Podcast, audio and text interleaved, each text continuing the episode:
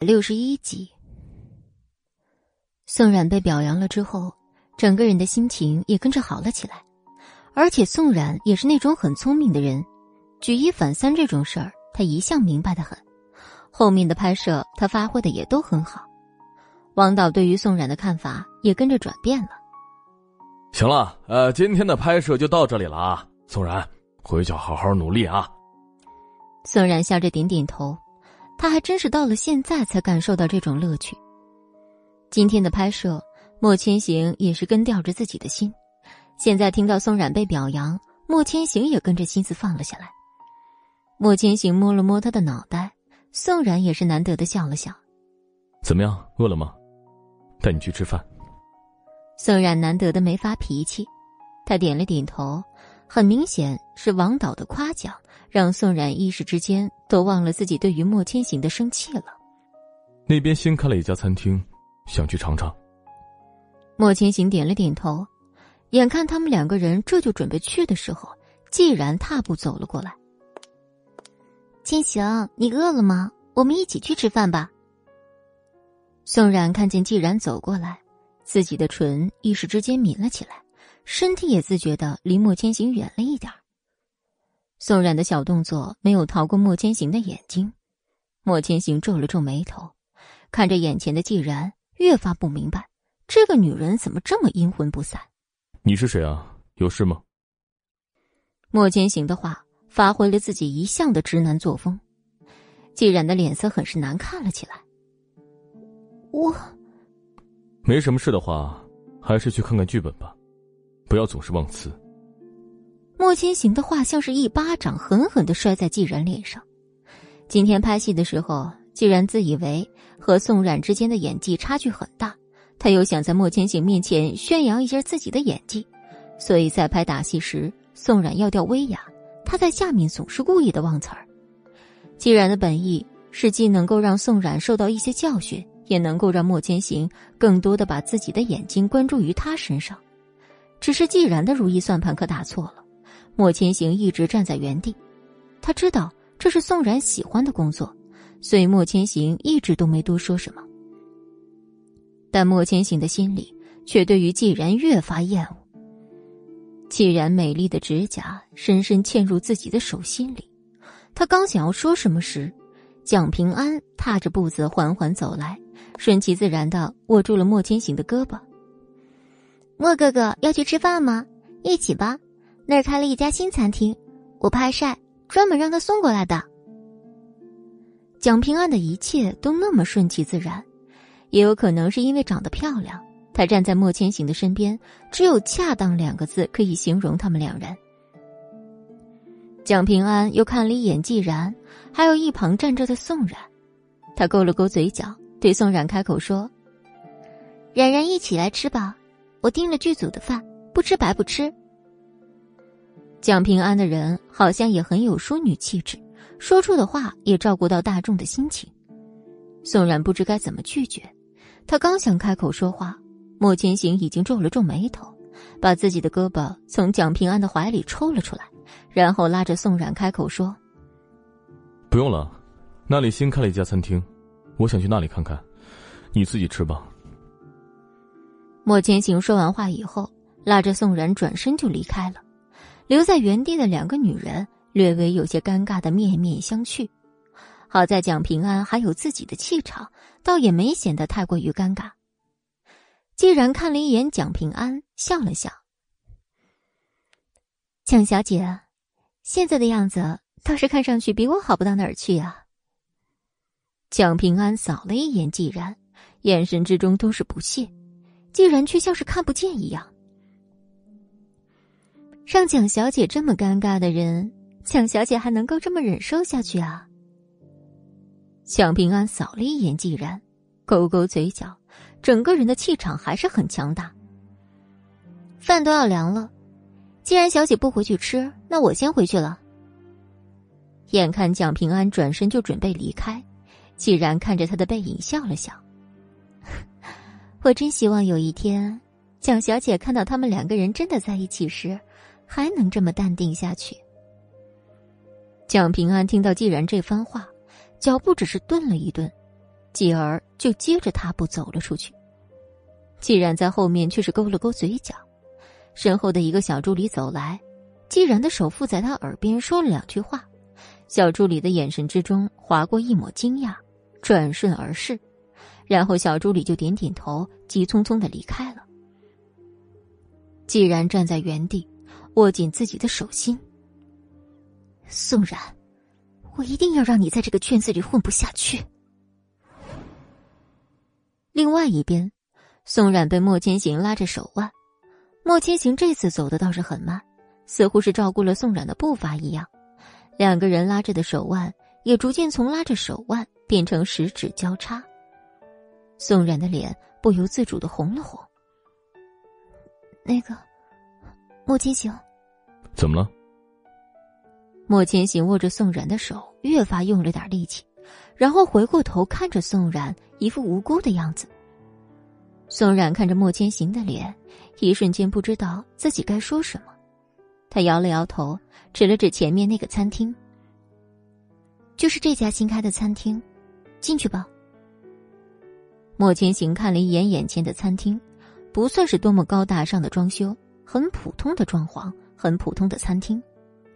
莫千行犹豫一下，他看了一眼。眼睛里还满满都是亮光的宋冉犹豫了一下，进去吧。宋冉点点头，然后蹦蹦跳跳的走进去。只是宋冉很明显是有点太过于兴奋，脚下的石头都没看见，差点就摔倒了。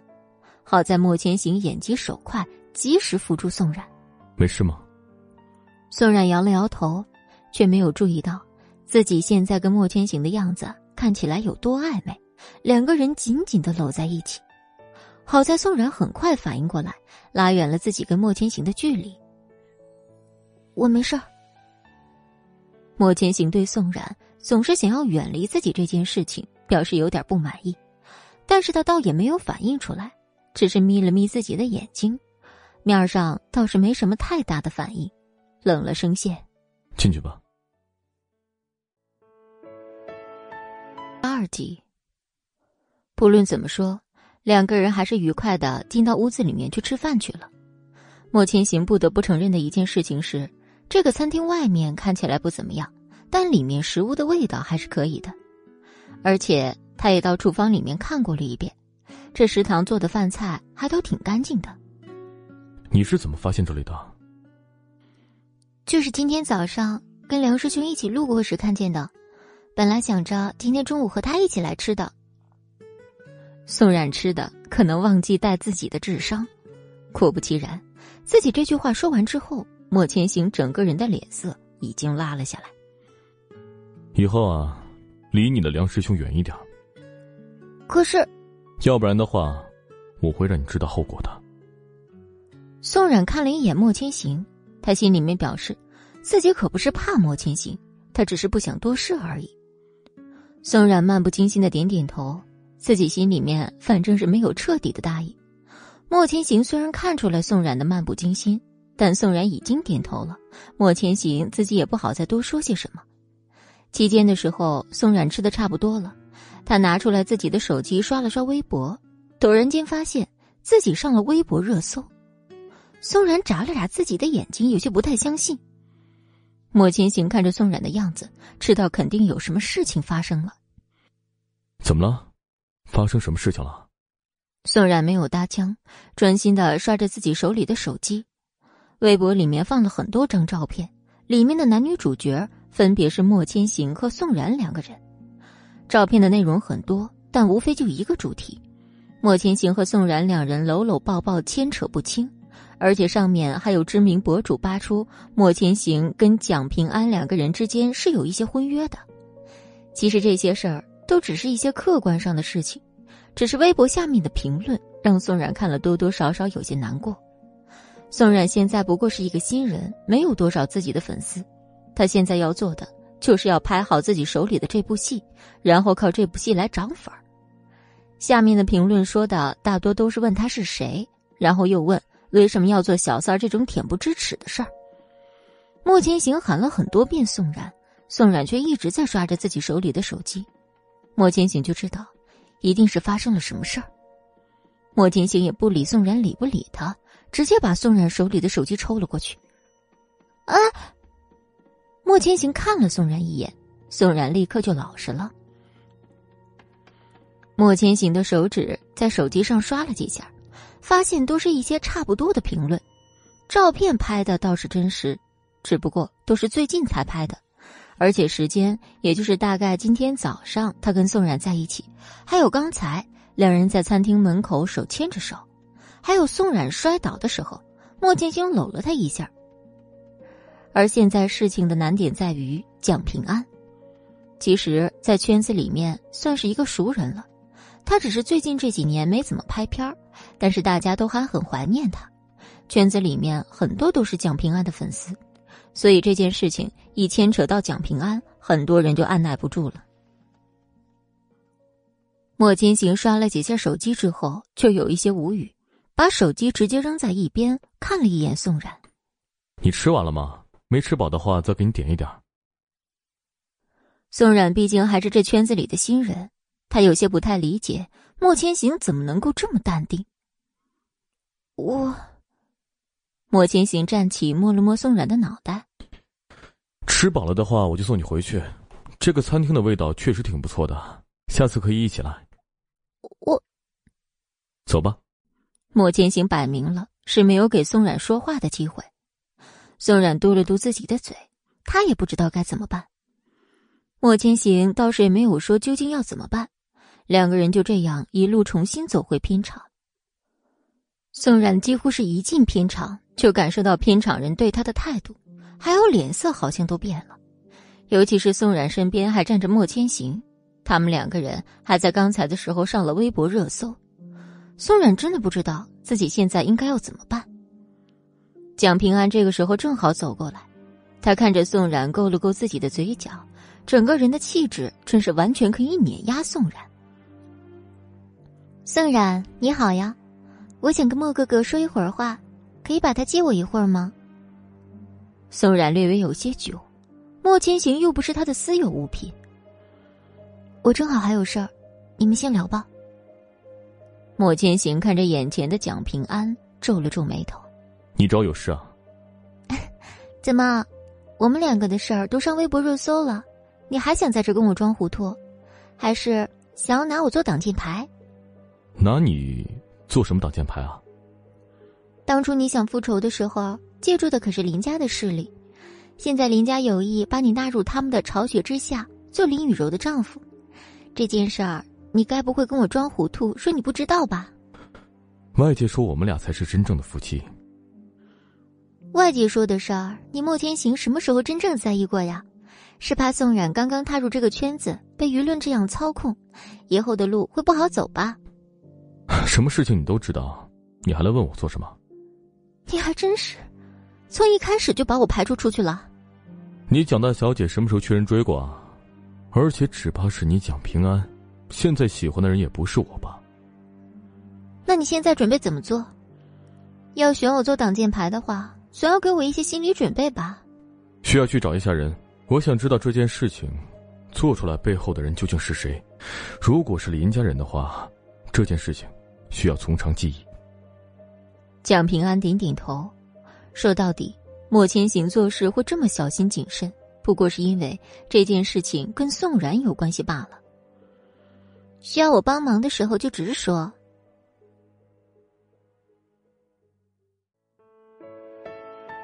六十三集，莫千行看了一眼蒋平安，继而笑了笑：“ 一定。”他们是多年的交情，所以对于很多事情不需要明说，他们都明白。蒋平安说完话之后就踏步离开了。宋冉那边虽然是出了好像是这么大的事情，但宋冉还是一如既往一般去化妆，准备自己下一场的拍戏。宋冉不知道的是，林雨柔在家里刷着自己的手机，看着手机里面铺天盖地出现的信息，瞬间就将自己的手机扔了出去。女佣缩了缩自己的身子。生怕自己被波及到。小小姐，叫什么小姐？蠢货，去备车。女佣很是无辜。林雨柔坐在车子上之后，整个人身上的气场都带着一丝阴冷。宋然，我还真是没想到，你竟然这么阴魂不散！我一定要让你好看。林雨柔的这种想法一直持续到片场，她踩着细高跟鞋，穿着红色的连衣裙，姗姗走进片场里。王导，你好呀，我来找一下宋冉。林雨柔的样子很是飒爽，王导愣了愣，还没说话的时候，莫千行走了过来，一把拉住林雨柔的胳膊，眉头也随之皱起。你怎么在这里啊？莫千行，你当真不知道我是因为什么才来到这儿的吗？莫千行抿了抿自己的唇，没有搭腔。你有没有清醒一点儿，莫千行？你别忘了。宋然可是你杀父仇人的女儿。林雨柔凑近莫千行耳边的话，让莫千行听到后，瞬间就握紧了他的手，声音也随之冷淡起来。够了，你先回去吧，这里不是你该来的地方。不是我该来的地方，莫千行，宋冉来这个圈子是你动的手脚吧？什么时候，你能够对我这么上心？莫千行眉头皱得厉害，他没说话。宋冉这时化好了自己的妆，踏步走了出来，一个很古典的造型，精致的妆容配上专门定做的服装，不得不承认，莫千行看着这个样子的宋冉愣了一瞬。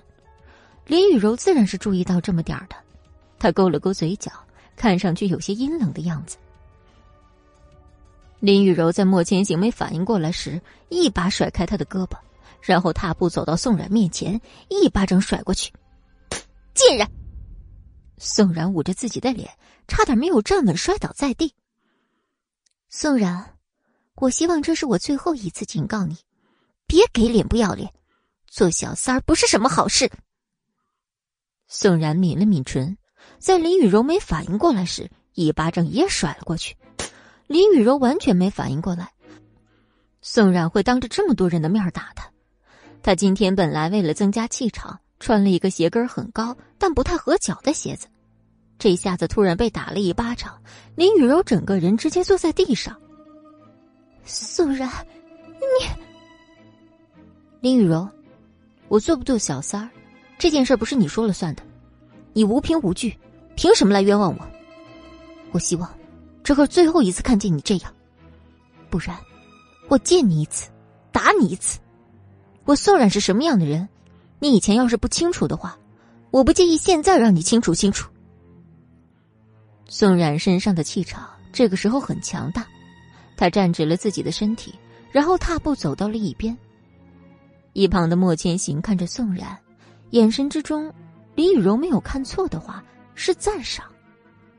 林雨柔捏紧自己的手指，险些捏出血来。一旁站着的季然看着几个人的样子。勾了勾嘴角，踩着自己的高跟鞋走到林雨柔的面前，把她扶起来。地上这个时候还是挺凉的，快起来吧。林雨柔捏紧自己的手指，她一点都不需要别人来扶，他刚才躺在地上，不过是想要莫千行过来扶他而已。只是林雨柔刚准备甩开季然时，季然附在他耳边说了一句：“我有办法对付宋然。”林雨柔眼珠转了转，任由季然把他扶起。季然笑了笑，然后开口说：“你好，我叫季然。”林雨柔瞥了他一眼，没有搭腔，似乎是有些瞧不起季然的意思。既然却像没有看见的样子，丝毫不在乎。这位想必就是林小姐吧？我早就听说你了，你经常跟莫先生一起去参加酒会。林雨柔勉强的勾了勾嘴角，她看了一眼一旁站着的莫千行，走过去挽住莫千行的胳膊。千行，你看到了吗？刚才宋冉对我这样，他平时都是这样的。你，你要是没事的话，就先回去吧。林雨柔捏紧了莫千行的胳膊。千行，今儿晚上家里要开个酒会，你跟我一起去吧。莫千行迈出去的脚步，这个时候停留了一下，林雨柔捏紧。千行，林家的事儿，莫千行还没来得及处理。林家对莫千行还算是有恩情。莫千行犹豫了一下，还是点了点头。我知道了，今天晚上我会去的。你现在要是没事的话，先回去吧。林雨柔在莫千行要离开时，迈步走过去，握住他的胳膊。千行，我希望你不要做错事。她不是什么好女人。这件事儿，你在当年应该就知道才是。莫千行握紧自己的手，没有回答林雨柔的话，只是默默点了点头，然后迈步向前走去。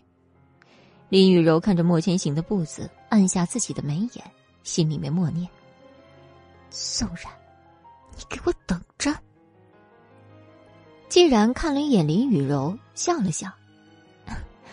林小姐，不介意跟我聊会儿吧？前面有个咖啡厅，就那儿吧。林雨柔说完话之后，直接踏步走了。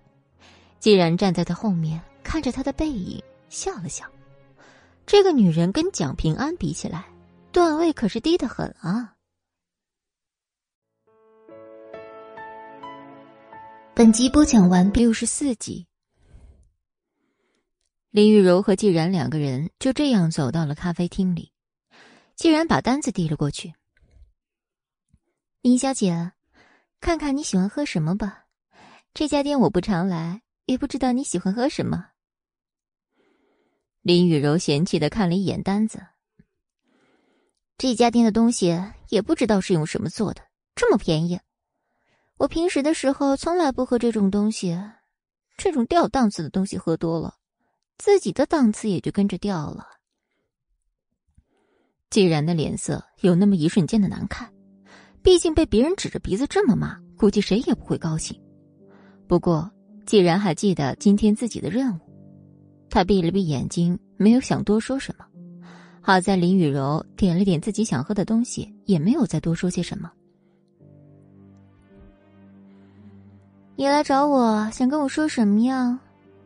啊，也没有想要跟你多说什么，只是今天看到林小姐那样子被宋冉欺负，我这心里自然有些不太痛快。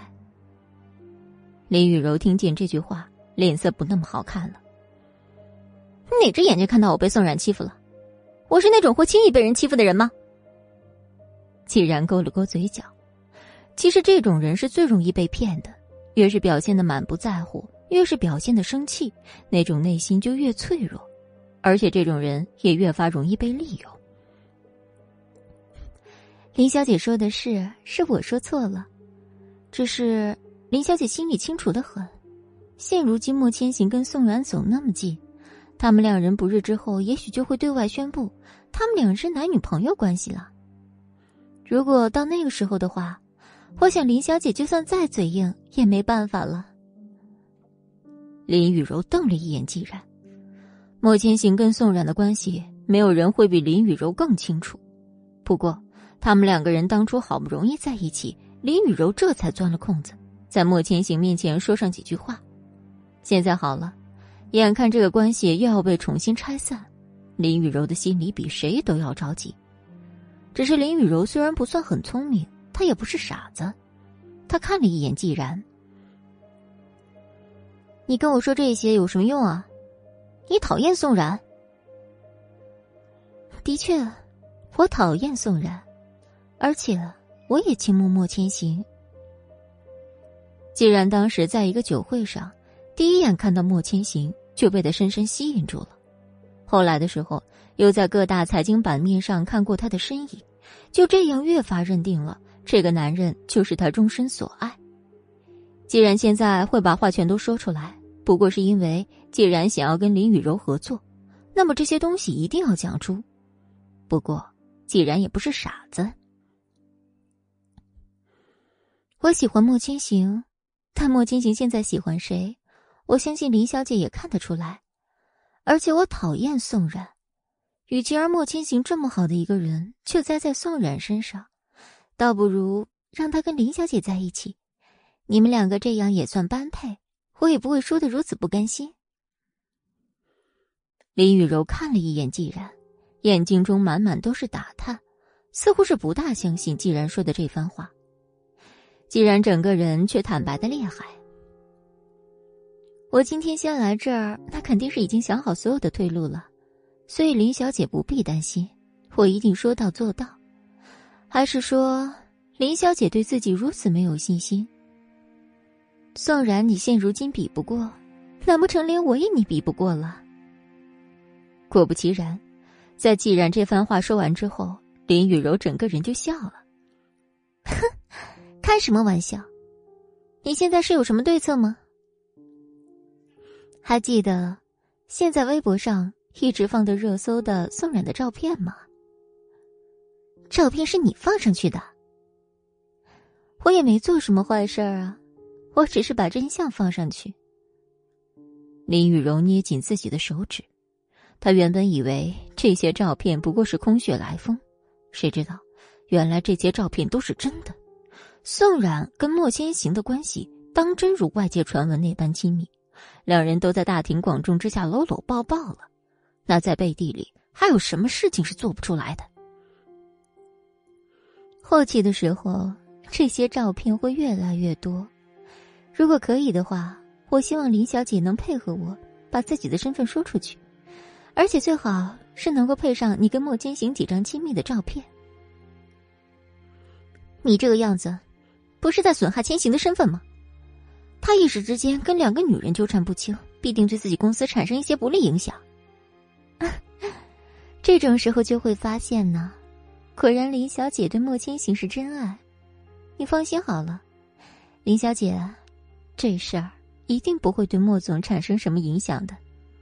如果不出我所料的话，几天之内，莫千行就会发公告说，自己跟宋然只是普通关系。因为宋冉刚刚初出茅庐，在娱乐圈没有自己的作品，没有自己的人气，没有自己的粉丝，当然出现这种绯闻不会有什么好结果。莫千行为了照顾他，一定会把事情扯得明明白白的。而当莫千行把所有事情都甩得明明白白的时候，就是我们出手的时候。就在这时，你把你跟莫千行几张亲密的照片放上去。坦白承认，你们才是马上要结婚的关系。你的身价背景一定是跟莫千行非常般配的，众人也不会多说什么。然后在这个时候，我会控制舆论导向，把宋冉的几张照片放上去，大家就会明白，其实不过是宋冉一直在背后勾引莫千行，所以让你们两人的婚姻似乎出现了一些差错。也就是说，如果我们把剩下的照片放上去之后，莫星星想要改口，你只要把自己委屈巴巴的一方面拿出来，大众的舆论导向立刻就会导向你，说你才是受害的那一方。宋冉，不过是一个缠人的，然后阻碍你们婚姻幸福的家伙而已。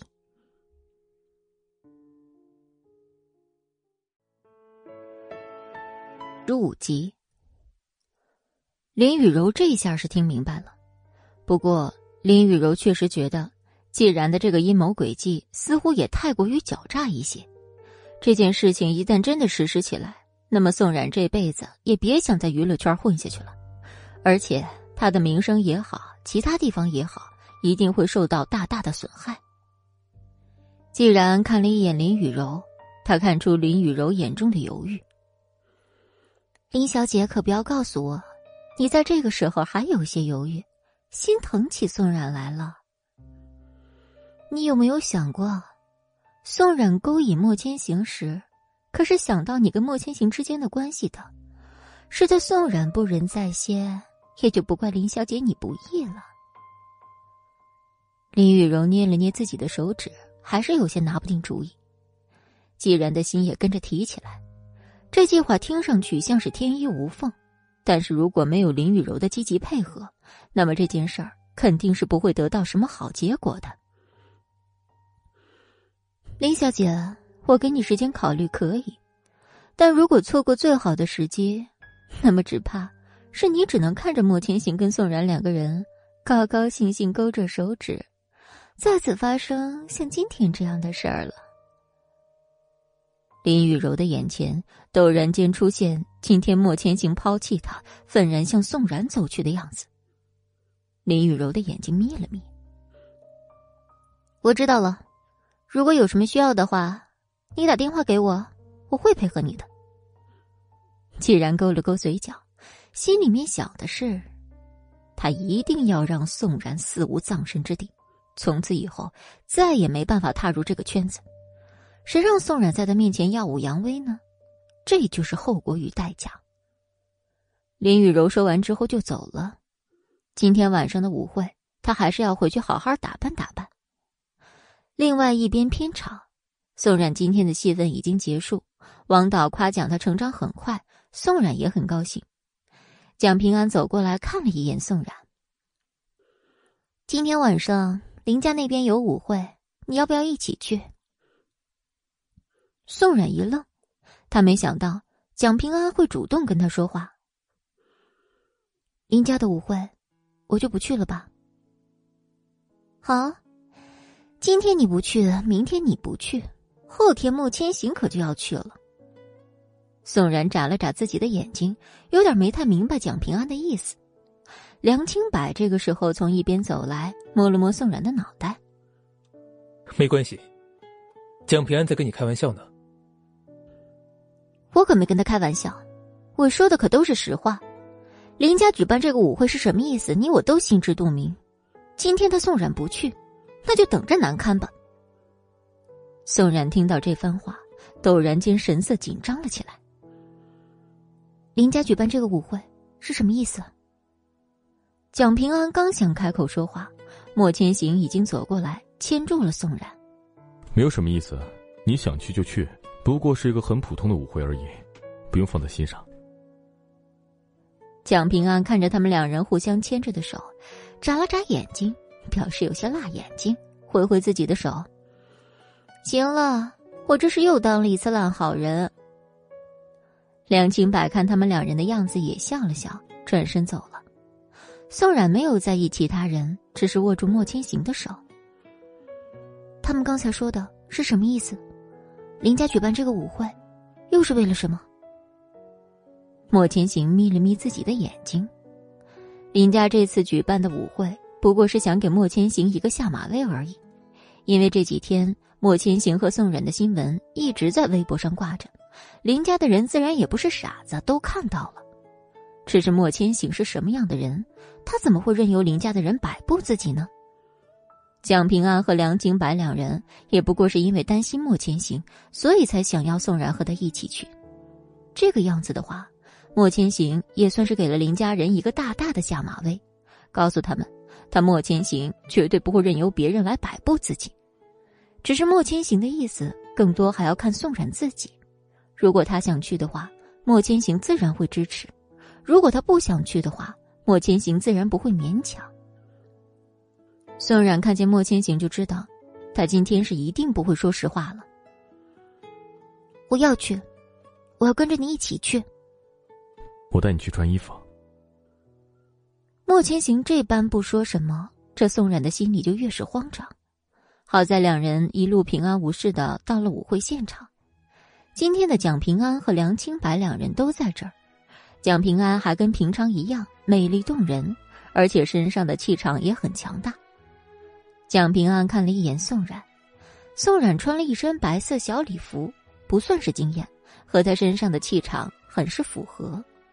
蒋平安点点头，勉强算是认同宋冉今天的穿着。梁清白走过来，摸了摸宋冉的头：“来了就好，有什么事情不懂的，可以来问我。”宋冉点了点头，觉得今天的他们两个好像把事情看得非常重要。宋冉不由自主的神情也跟着紧张了起来。莫千行虽然平日里对于梁清白总是靠近宋冉这件事儿有些不满，但今天的莫千行好像没有太大的反应。梁清博，你看好他，我先进去。梁清白点点头。莫千行说完话之后，就跟着蒋平安两人一起走了进去。宋冉从背后看着莫千行跟蒋平安两人的样子，略微有些愣神儿。梁清柏笑了笑，摸了摸宋冉的脑袋：“ 你是不是吃醋了？”宋冉吓了一跳，赶紧摆了摆自己的手，自己的脸都红了。“师哥，你说什么呢？我没有。梁清白看宋冉这样子，心里早有了答案，只是还是不由自主的有些感伤。原来过了这么久，他们两人还是这样子不离不弃。梁清白笑了笑，今天倒是没有继续取笑宋冉。我们也进去吧。今天的这个舞会当中，应该会有很多好吃的。我觉得，你应该会挺开心的。一听有好吃的。宋然整个眼睛都亮起来。真的吗？那快走吧，快进去，快进去。梁清白的脸上从始至终都挂着一丝温柔的笑容。一百六十六集，宋冉跟着梁清博走进去之后，果然发现这个酒会的规模非常大，里面有很多好吃的。宋冉整个人的眼睛都要发光发亮了。梁清白看着宋冉的样子，眼睛之中有些无奈。你们现在的明星都是这样的吗？我这还没出名呢，所以可以先吃一两口。梁清白无奈的摇摇头，只是眼睛之中还是满满的都是宠溺的神色。两个人这边的氛围十分友好，但莫千行那边可就不是这个样子了。莫千行几乎是一走进酒会。林家的人就走了过来。莫千行，莫千行点了点头，冲着林父林母笑了笑：“伯父伯母，你们好。”林伯母倒是看上去一个比较体面的人，他听见莫千行这番话，点了点头，没再多说什么。只是林伯父看起来就很生气的样子，他甩了甩自己的胳膊：“你还知道你有这个伯父伯母啊？”蒋平安站在一旁笑了笑，两个老人年纪大了。就知道倚老卖老，要不是因为林家对于莫千行还有恩，蒋平安这种性格的人，估计早就一巴掌甩过去了。莫千行听见林伯父这样说话，倒也没有生气。林伯父何出此言啊？我一直记得自己有这个伯父伯母。林伯父听见这句话，哼了哼：“你要是当真还记得这个伯父伯母？”又怎么会在大庭广众之下和那个女人勾缠不清？莫千行在来之前就已经料到，他们两个人会提到宋冉的事儿，只是莫千行没想到林伯父会把事情说的这么难听。伯父，别叫我伯父，我把我自己的女儿托付给你，你现在却让她蒙此大辱，莫千行，你可是还无法无天了。蒋平安本身就不是一个性格多好的人，现如今林伯父把话说的这么难听，莫千行还能忍的话，蒋平安可是一点都忍不了。伯父，你这话说的可就不对了。你谁呀你？伯父，你可能不记得了，我是蒋家的女儿蒋平安。前几年的时候，林家跟蒋家还在一起吃过饭呢。林伯父听见蒋平安自曝身份之后，眯了眯自己的眼睛。他当然记得还有这么一个蒋家，只是没想到蒋家的女儿已经出落的这么大方了。我今天是跟莫千行一起过来的，不过是因为我刚刚回国，想熟悉一下这边的环境而已。只是我对林伯父今天所说的这番话，可略微有点不太认同。不太认同？你有什么不太认同的？再者说了，这件事情哪里轮得到你来管呢？林伯父说的是，这件事不管怎么看，我都只是个局外人而已。但俗话说得好，当局者迷，旁观者清。莫千行和林柔之间的事儿是怎么样的？林伯父，你自己当局者不清不楚就罢了，我作为一个旁观者，可是看得一清二楚。莫千行根本就不喜欢林雨柔。林雨柔对莫千行只怕也没有太多感情吧？您这样白白让他们两个人捆绑在一起，又究竟目的何在呢？这哪儿来的丫头片子，在这里胡乱说些什么呀？蒋平安也只是一时之间气不过，他还想再多说些什么时，莫千行拉了他一下。伯父，他刚刚也是才来这里，对这里环境不熟悉，对我们之间的事情也不是很熟悉，一时情急，还请你不要在意才是啊。林伯父听见莫千行的话，这才勉强松了口气。行了，让这丫头片子先出去，一会儿到我房间来，我有事情跟你说。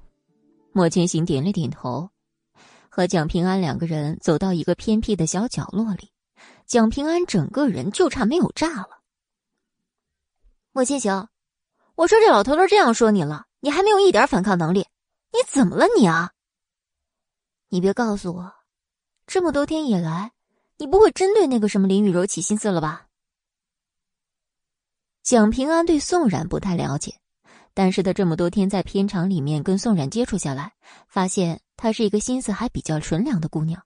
而林雨柔今天刚刚来到片场，只不过是一眼，她就看出林雨柔这个人了，完全的降低了下来。所以现在，蒋丽萍说出自己这个想法后，她看了一眼莫千行，怎么看都觉得。不大可信。林家对我有恩，而且我总觉得林家和当年的事情脱不开干系。这件事情我还在调查当中，暂时不要打草惊蛇的好。蒋平安听见林家有可能和当年的事情有联系，整个人的神色也瞬间紧张起来。就在蒋平安想多说些什么时，外面突然间传来一阵阵的响声。他们两个人走出来，就看见宋冉站在红酒桌子前。整个脸上的神情有些惊慌失措，红酒桌上的红酒几乎全都倒了下来，很多还掉在了地上，杯子都摔碎了。面前站着的除了林雨柔，还能是谁？林雨柔的样子很是颐指气使。我说你们怎么搞的？这么点小事都办不好，林家养你们做什么？几个适应生模样的人被林雨柔这样说着，脸上的神色有些挂不住了。他们立刻点头，然后上前去收拾桌子。只是他们两个上前去抬桌子，林雨柔似乎还不满意。我说：“你们这么笨手笨脚的，林家究竟为什么要养你们？”蒋平安皱了皱眉头，他怎么总觉得眼前这一幕有些眼熟？事实证明，眼前这一幕不仅仅是眼熟，还非常眼熟。那几个适应生被林雨柔这样指着脑袋骂。下一刻，脸上就有些挂不住了。其中一个女适应生就这样哭了起来。她这么一哭，众人的眼光也就随之被吸引了过来。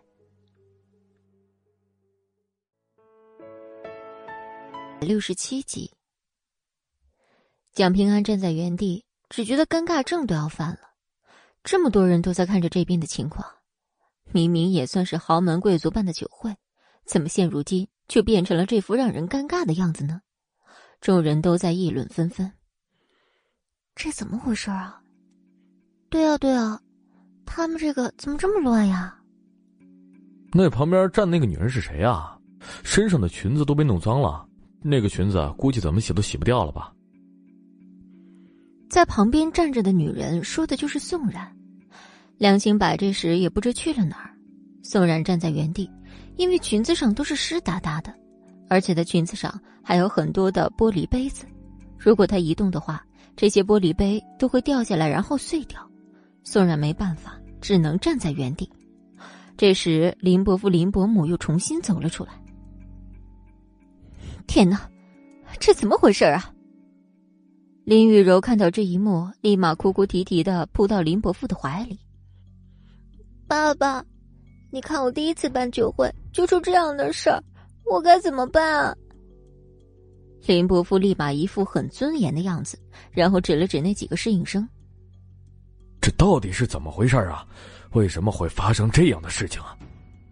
其中一个女侍应生很快反应过来，用自己的手指了指宋然：“都是他的错。”宋然有些无语的眨了眨眼睛，他刚才正在走路，刚刚走到桌子边。突然觉得后面有一股力气，猛然间推了自己一下，然后宋然整个人就摔倒了。后来的时候就变成了现在这个样子，宋冉站在原地，动也不是，不动也不是，整个人尴尬的很。只是还不等宋冉说话，林雨柔已经开口了：“宋冉，又是你干的好事。”女侍应生也像是早就串通好一样，听见林雨柔说了这句话。立马又开口说：“就是啊，就是，我刚刚正忙活呢，结果这位宋冉小姐突然间自己一个人撞到这桌子上，然后事情就变成这样了。宋冉啊，宋冉，想不到你竟然心思缜密到这个地步，为了让我的酒会办不成功，你还真是什么绝招都想得出来。宋冉眯了眯自己的眼睛，脸色大变，刚想开口说什么的时候，那边的林伯父两下走了过来，他一巴掌甩在宋冉的脸上：“你把我们林家的酒会搞成这个样子，现如今你还不赶紧道歉？”莫千行看到这一幕，整个人脸上的神情立马就挂不住了，他马上就想走过去帮助宋冉，蒋平安却是一下子拉住莫千行的胳膊。如果林家真的跟当年的事情有关，而莫千行现在又要在林家这边不打草惊蛇的话，那么现在莫千行最好不要出去。而且，蒋平安觉得宋冉不是那么容易被欺负的一个人。果然，宋冉被打了一巴掌后，整个人退后了两步，整个桌子没有了，宋冉的支撑轰然倒地。连带着桌子上许多红酒杯全部倒在地上，发出很清脆的碎裂声。你，林伯父气得有些语无伦次起来，宋冉却是勾了勾嘴角：“你们说，这桌子是我造成的，那你们有什么证据可以证明？仅仅凭这个女侍应生一个哭诉和栽赃陷害吗？”林伯父气得自己胡子都要起来了。那边那个女侍应生听到宋冉说这样的话，整得有些不大乐意。宋冉，你凭什么这样栽赃陷害我？刚刚明明是你故意撞到桌子上，然后才弄出这么一出闹剧来的。宋冉勾了勾嘴角。你说我故意撞到桌子上，请问你有什么证据？女侍应生指了指倒塌在地的桌子，这个不就是最好的证据吗？你还想要什么证据？桌子现在是倒了，可你怎么证明刚才是我故意让它倒的呢？如果你没有证据证明是我故意让它倒的，那么你不就是在栽赃陷害吗？可你说了，这个桌子上刚刚就是我亲眼所见，这不就是最好的证据吗？哦，你亲眼所见。可是我能否问你一下，我来到这儿跟你素未相识，你如何知道我叫宋然？别说，你又不知道我叫宋冉了，你刚刚都已经把我的名字叫出来了，又或者说，你是受人指使，所以一开始就知道我叫宋冉，做这些事情所有的目的就只是为了针对我而已。你你你你你胡说什么？我我我听不明白。哦，你听不明白？你刚才一直都在这片区域活动，而我刚好刚刚走过这儿，刚走到这桌子旁。我就感觉有人从背后推了我一下，而你又恰恰好知道我叫什么名字，青口白牙，非要说我是故意把这桌子推倒。那么现在我有权利怀疑你，这一切都是你自己在自说自话。你你，周围的人看见眼前这一幕，哪儿还有不明白的？这侍应生怎么这样子啊？我说林家这出的都什么人啊？就是就是，侍应生都这样。刚才那什么林雨柔还在这一本正经的说是人家弄的，这眼下我看这侍应生只怕是那林雨柔指使的吧。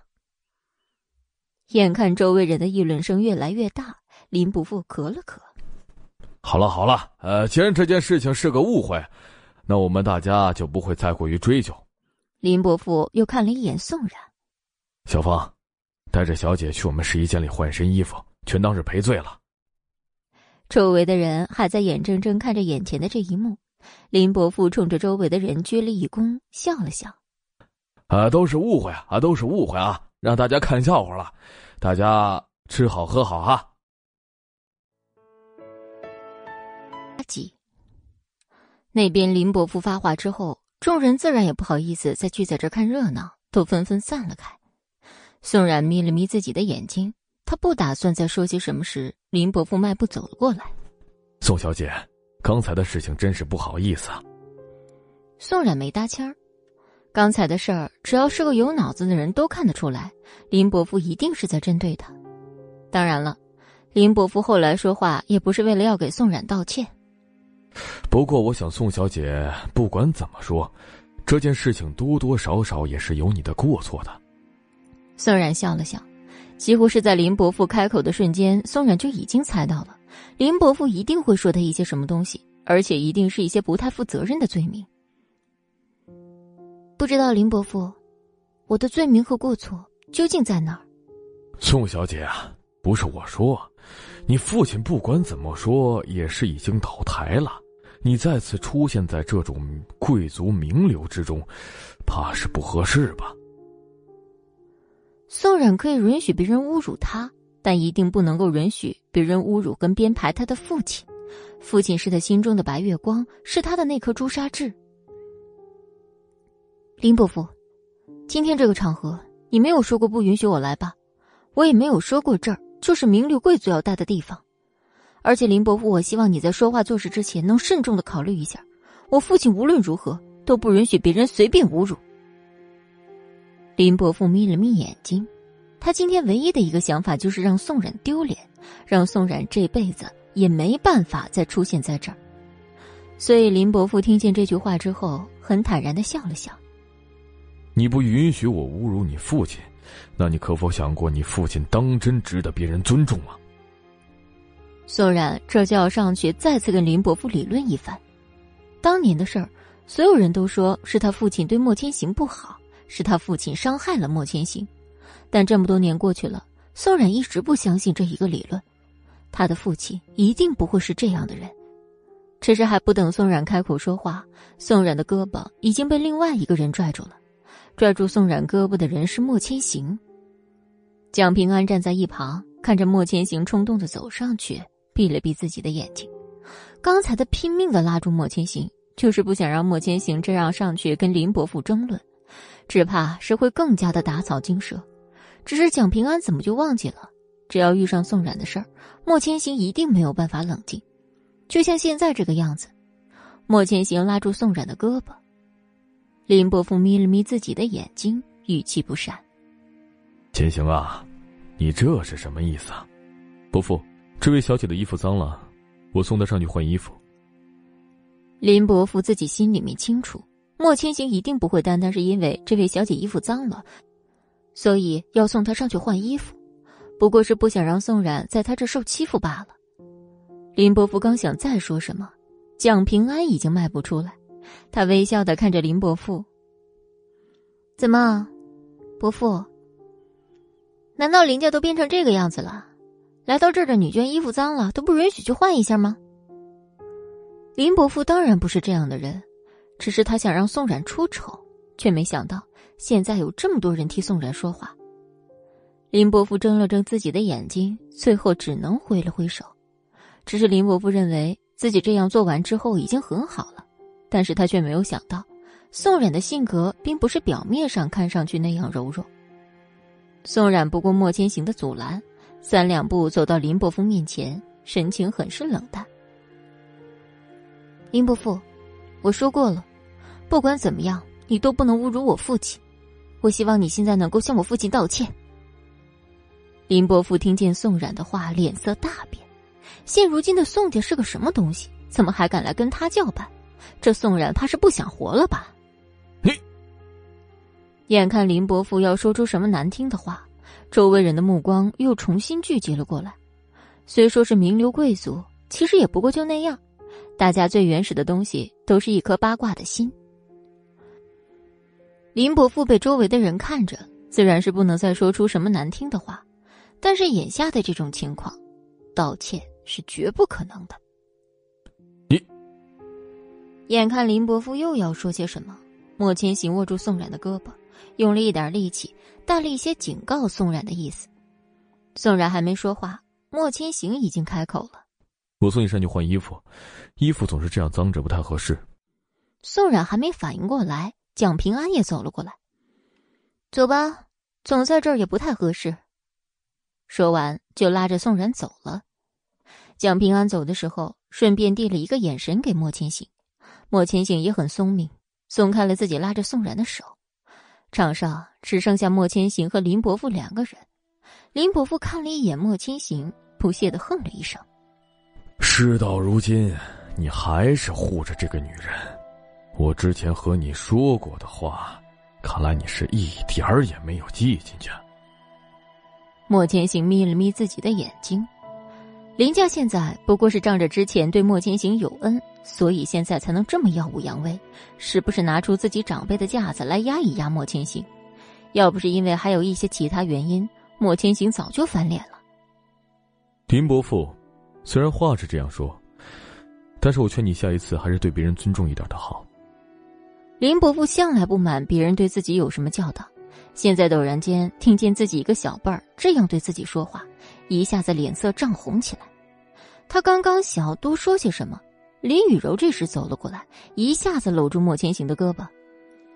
千行，你什么时候过来的呀？也没跟我说一声。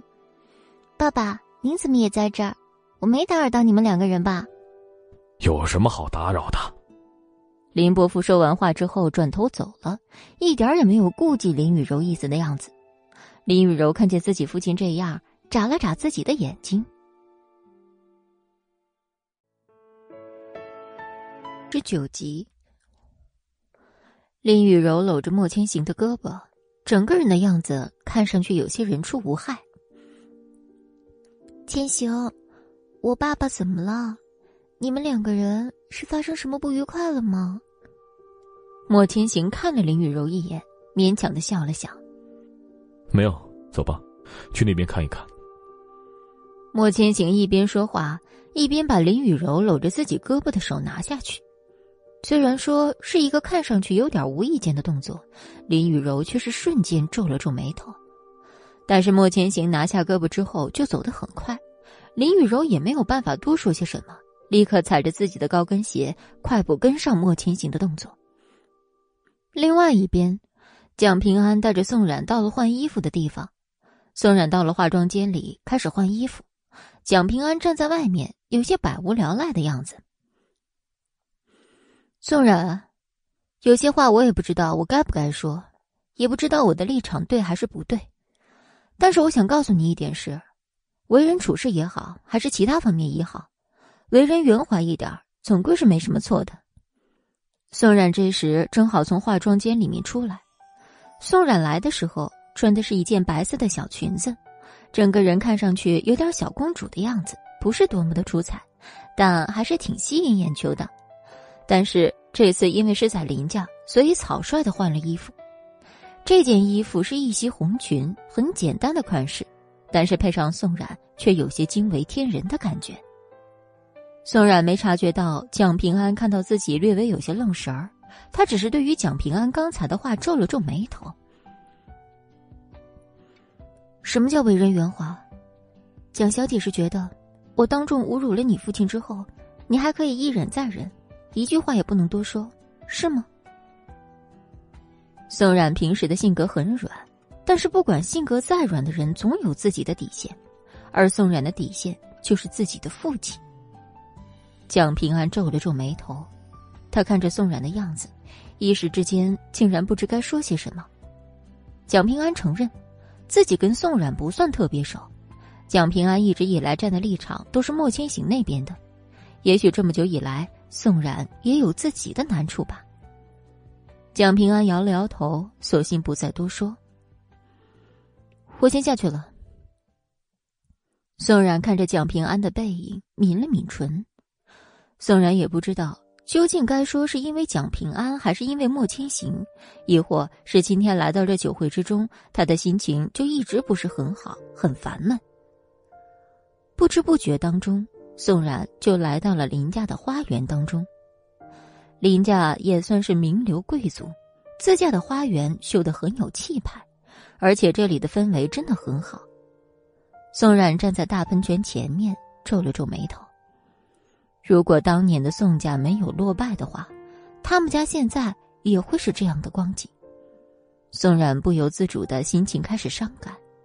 就在宋冉还想着自己父亲时，突然间，感觉自己的后背被重重推了一下。等宋冉反应过来，整个人已经落在喷泉里面，浑身都湿哒哒的。本来就是初秋的天气，现在又落到水里，宋冉只怕很快就要感冒了。宋冉抬头的一瞬间，就看见了林雨柔。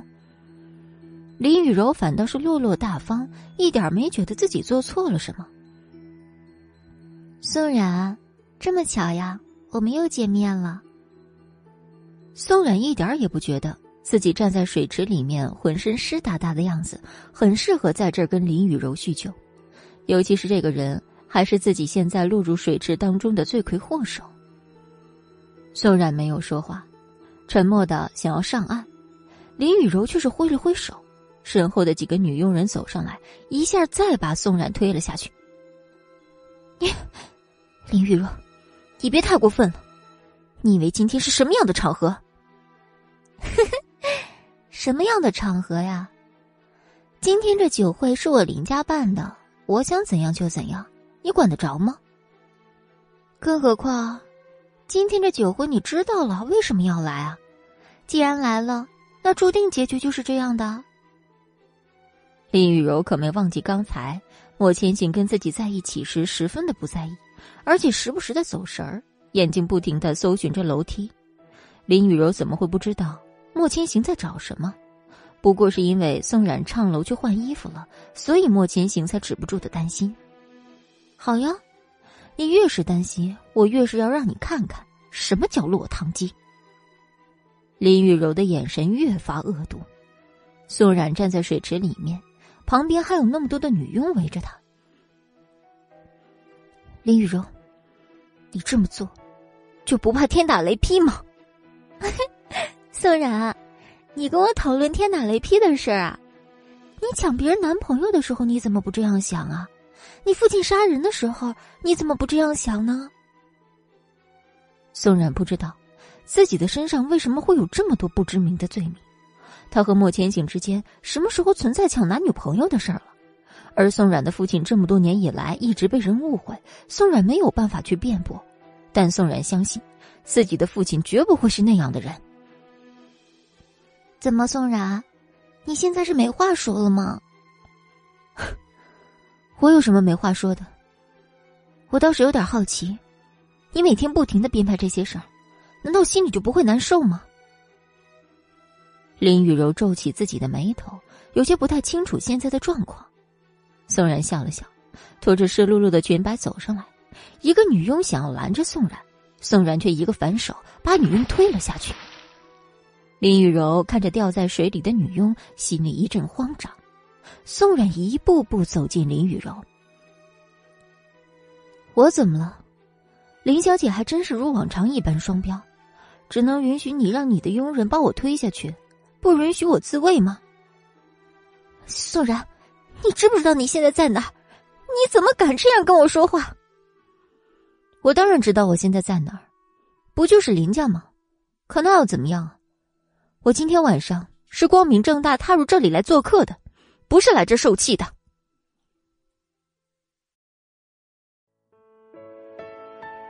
七十集，宋冉的话像是一记毒针，深深的扎在林雨柔的心里。林雨柔的脸色很是难看。林雨柔向来自诩名流贵族。现在宋冉却这样与自己说话，林雨柔不仅仅是心里觉得不平衡，他更多是觉得宋冉现在能这样和他说话，不过是因为借着莫千行对他的宠爱罢了。林雨柔的心里越发不平衡起来。林雨柔刚想再说些什么时，她的手腕突然间被握住，她气势汹汹回头的瞬间，却看见了莫千行。你。千行，你怎么在这儿？莫千行总不能说自己因为担心宋冉，所以不停的寻找问人，之后发现宋冉是在这儿，所以莫千行才紧赶慢赶的走了过来。莫千行微微皱了皱眉头，没什么，碰巧路过这里，听见你们两个人在争辩，所以过来看一看。林雨柔其实不太相信莫千行说的话。只是林雨柔刚刚嘟起嘴，想要再多说些什么时，莫千行却开口说：“时间不早了，我送你回去吧。”为了工作，还有一些其他的原因，所以林雨柔早就搬离了林家，不在这儿住了。而且林雨柔一开始时也跟莫千行说了，让莫千行结束时送她回家。只是莫千行现在把这话说出来，怎么看都有些要为宋然摆脱眼下困局的意思。林雨柔一下就不高兴了。你怎么了，莫千行？你还念着他是不是？所以才要这个样子。莫千行看着林雨柔的样子，皱了皱眉头。他却是陡然间想起，在书房里面，林老爷子跟莫千行说过的话。莫千行把自己的火气压下去。没有，你想太多了。时间不早了，这边的酒会已经快要结束了，我送你回去吧。林雨柔还想再说些什么时，蒋平安从一旁走出来。如果林小姐当真不想回去的话，那就麻烦莫总先把我送回去好了，正好还能趁机跟莫总培养培养感情。至于林小姐嘛，我这有很多代驾可以送你回去，你觉得怎么样，林小姐？林雨柔看了一眼蒋平安，如果说宋家现在是败落。那么蒋家上百年以来都是名门贵族，林家比起蒋家来还算是一个半吊子而已。而如果林雨柔没想错的话，他父亲也在很久之前还想让莫千行和蒋平安结婚。不管怎么说，都是对林氏企业有一定帮助的。想到这儿，林雨柔可不敢再继续造作下去。不用了，千行会送我回去的，就不麻烦蒋小姐了。他们两人说话之后，林雨柔当真就挽着莫千行的胳膊走了。莫千行出去之后，看了一眼宋冉，眼神之中的情绪让人说不分明。蒋平安走过来，拍了拍宋冉的胳膊。实话实说，莫千行有苦衷，具体什么样的苦衷，这种事儿还是等他亲自来告诉你吧，我就不多嘴了。你要回去吗？师兄在哪儿？宋冉还没来得及说话，梁清白已经走了过来，整个人还是很温柔的样子。看见宋冉浑身湿哒哒的，把自己的西装赶紧脱下披到宋冉的身上。对不起，我今天晚上都没有看见你，你这是？没什么，不小心掉进水池了。蒋平安看见梁清白这么温柔的样子，实话实说，心里有些吃味儿。只是他没说出来，是有过不小心的。这都不早了，小姑娘身上还湿哒哒的，你还在站在这儿，不赶紧开车送我们回去啊？我这就去开车送你们回去。梁清白走了之后，现场只剩下蒋平安跟宋冉两人。蒋平安看了一眼宋冉，眼看宋冉要说谢谢出来，蒋平安赶紧摆了摆手：“啊，别跟我说谢谢啊，我可不是为了帮你。”我跟你也不是很熟，我这是站在过来人的角度，我看过很多事情，也知道莫千行的不易，所以勉强帮他说说话而已。宋冉捏了捏自己的手指，对这句话倒是没有搭腔。莫千行，很多人都说是宋冉的父亲害死了他的父母，才害得莫千行成了一个孤儿。宋冉不知道该怎么解释这件事，也不知道该如何去说。既然不知道该怎么说，就干脆不说吧。正好这时，梁清柏也把车开过来，几个人一路无言。宋冉回到了自己的公寓。宋冉冲着车里面的两个人挥了挥手：“谢谢师兄，我先上去了。”宋冉说了话之后，赶紧走上去。蒋平安看了一眼宋冉，笑了笑，只是笑容当中多多少少有些不太在意。真没想到你会喜欢这种女孩。你现在住在哪里？还是住酒店吗？一个女孩子总是住酒店，多少有些不太好。我住酒店那是我高兴，我有钱，不是我住不起。比起某些人这么多年，每到一个地方就要买一个房子，无论大小，一定要买一套的人，说什么这才是归属感？我觉得。比某些人要强多了吧？梁清柏看了一眼蒋平安，无奈的摇了摇头。他们两人加上莫千行，三个人算是很好的朋友。这么多年以来，对彼此的习性其实也说得上是熟悉了。只是他们习惯互怼，不太愿意把真实的自己完全表达出来。就像是现在的蒋平安一样，说话这么毒舌，其实也不过是关心梁清柏而已。梁清柏了解他。所以没再多说什么。把你的地址报给我，我送你回去。切，你还真当跟往常一样，散了会就回家躺着？你的人生究竟有什么乐趣啊？这么一成不变，你是老古董吗？有家不回，何乐而不为呢？切！第一百七十一集，蒋平安和梁清白两人在车上吵来吵去，热火聊天。另外一边，宋冉走到自己家门口，看着冰冷的窗户，却陡然间有一种不想回去的感觉。宋然走到家门口，好不容易拿出钥匙来，却是在钥匙把门打开的一瞬间，感觉到一个男人从背后附了上来。你，是我。说话的人是莫千行，宋冉听出来了，但宋冉有些奇怪：莫千行不是送林雨柔回家了吗？按常理来说，他们两个人不应该春宵一刻值千金吗？为什么莫千行会大半夜到他这儿来？你不是送林雨柔回家了吗？为什么要来我这儿？怎么，你吃醋了？神经病啊你！赶紧走吧，大半夜的，不要来我这儿。他们两个人的绯闻在网上还没有完全拆除，现在要是被拍。大半夜的，莫千行在宋冉这儿，那么只怕宋冉再有十张嘴也说不清现在的状况。只有莫千行明显不那么觉得。都到你家门口了，不请我进去喝一杯水吗？又不是我让你来的，你赶紧走吧。宋冉是真的半分和莫千行开玩笑的意思都没有。宋冉说完之后，就要赶莫千行走，赶紧把门关上。只是莫千行一下子拉住了门把手，没有让宋冉的心思得逞，反而莫千行两步就趴进了屋子里。哎，你！莫千行进了屋子里面之后，四处打探了一下，发现这屋子确实有些小，只是虽麻雀虽小，五脏俱全。莫千行倒是也没多说什么。莫千行像是自己家一样，径直坐在沙发上，整个人十分的怡然自得。莫千行，这里不是你家。莫千行看了一眼宋冉，他好像有些知道为什么宋冉今儿晚上火气会这么大。他笑了笑，暗自把宋冉这种心情理解为吃醋。我知道，这里不是我家。宋冉看着莫千行的样子。刚想多说些什么时，莫千行的神色突然变得很正经起来。我来想和你说一下网上那件事情。那，你打算怎么处理？先澄清，我们两个人只是朋友关系。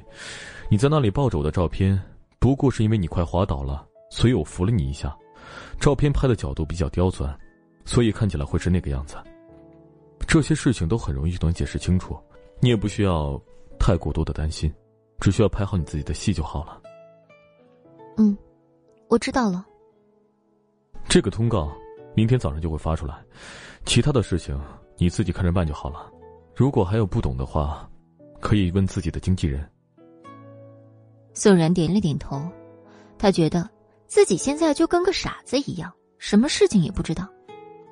莫千行其实是很想要的，今天晚上就待在这儿不走了，但是。不仅仅要说影响不太好，而且就看宋然现如今这样子，莫千行也知道自己肯定是没有机会了。时间不早了，你赶紧休息吧，明天早上还要去拍戏呢。有什么事情，可以直接打电话给我。第二天早上，宋冉把自己收拾的板板正正，准备去片场拍戏。突然间接到玉姐打来的电话，玉姐是秋姐那边配过来的经纪人。几天时间接触下来，宋冉发现玉姐的性格很好，他们两人之间倒是也能相处的挺好的。只是不知为什么，天儿这么早，玉姐就给自己打来电话。喂，玉姐，发生什么事儿了吗？小宋，你快打开微博看看今天的消息。怎么了，玉姐？很着急吗？嗯，很着急。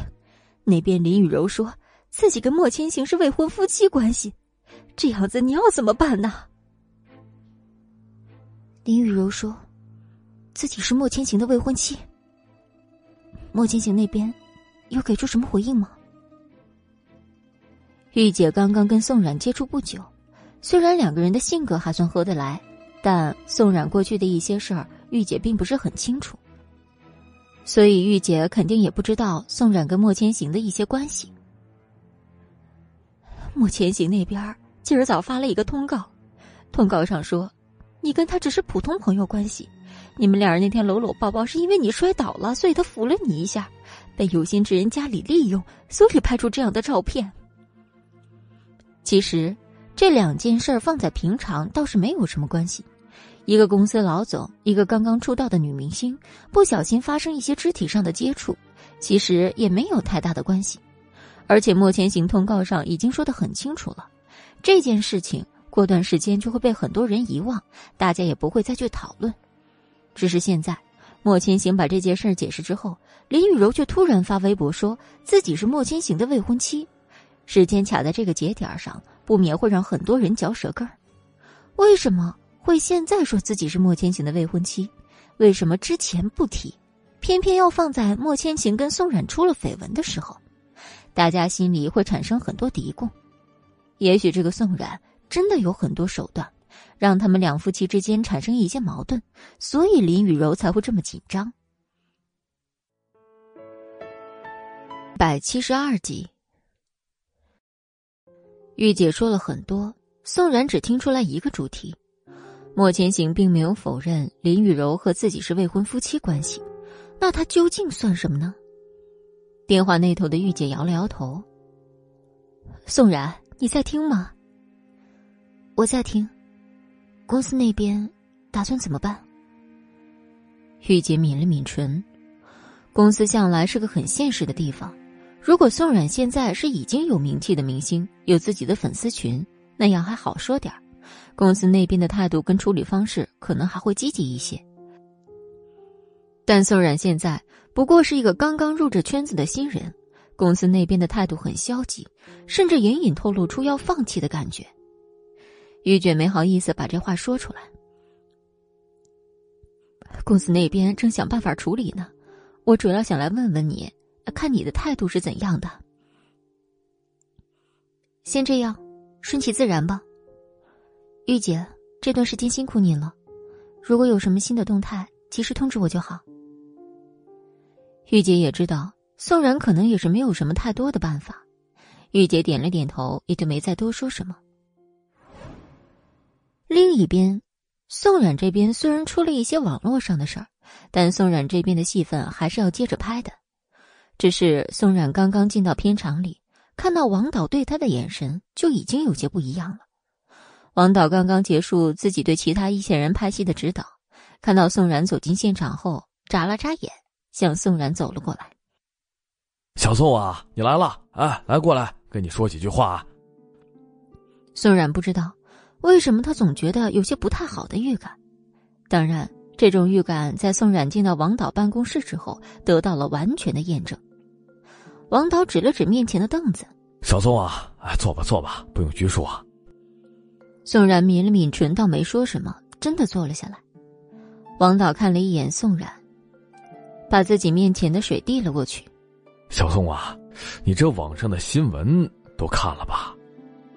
宋冉的手无意识的握紧手里的杯子：“哦，看了。”那你知道这样子的新闻会有多大的影响吗？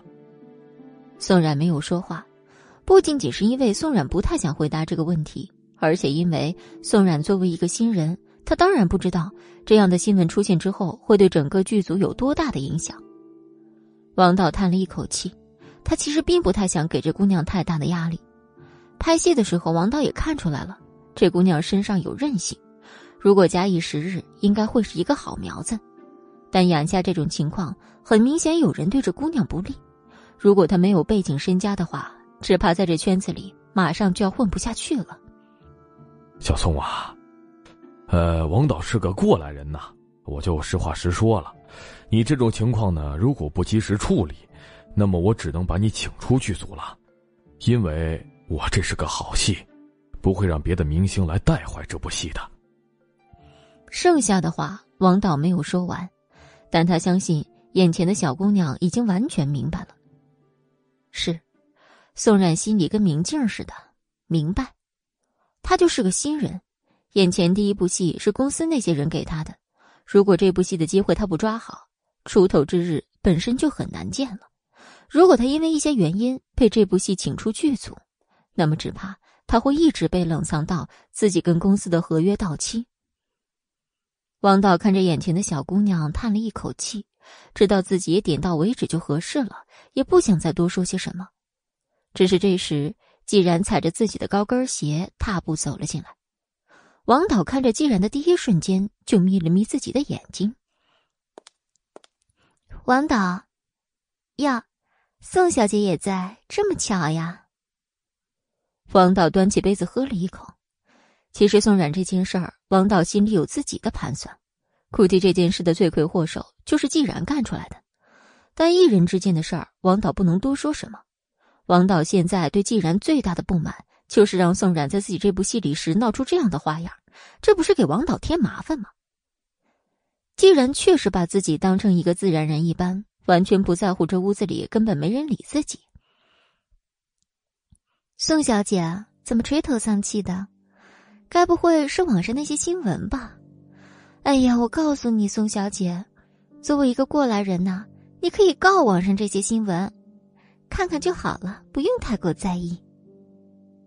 宋冉握紧自己的手，没有搭腔。当然了，宋小姐这种情况可能需要挽救一点，不过我倒是希望宋小姐能够认真的看清自己的定位，不要去幻想那些不属于自己的东西。你觉得呢？宋小姐，不要去幻想不属于自己的东西。这话倒说的很好，只是这句话向来不属于我，也不适合于用来形容我。拍戏也好，还是你口中的那个人也好，这些事情都不归既然小姐管。也希望既然小姐不要再在背后捅刀子了，做人明明白白、光明正大，不好吗？你。宋冉不关心季然脸上难看的神情，冲着王导点了点头。王导，你说的事情我会好好考虑，我还要去拍戏，先出去了。王导举了举自己的茶杯，示意宋冉出去就是。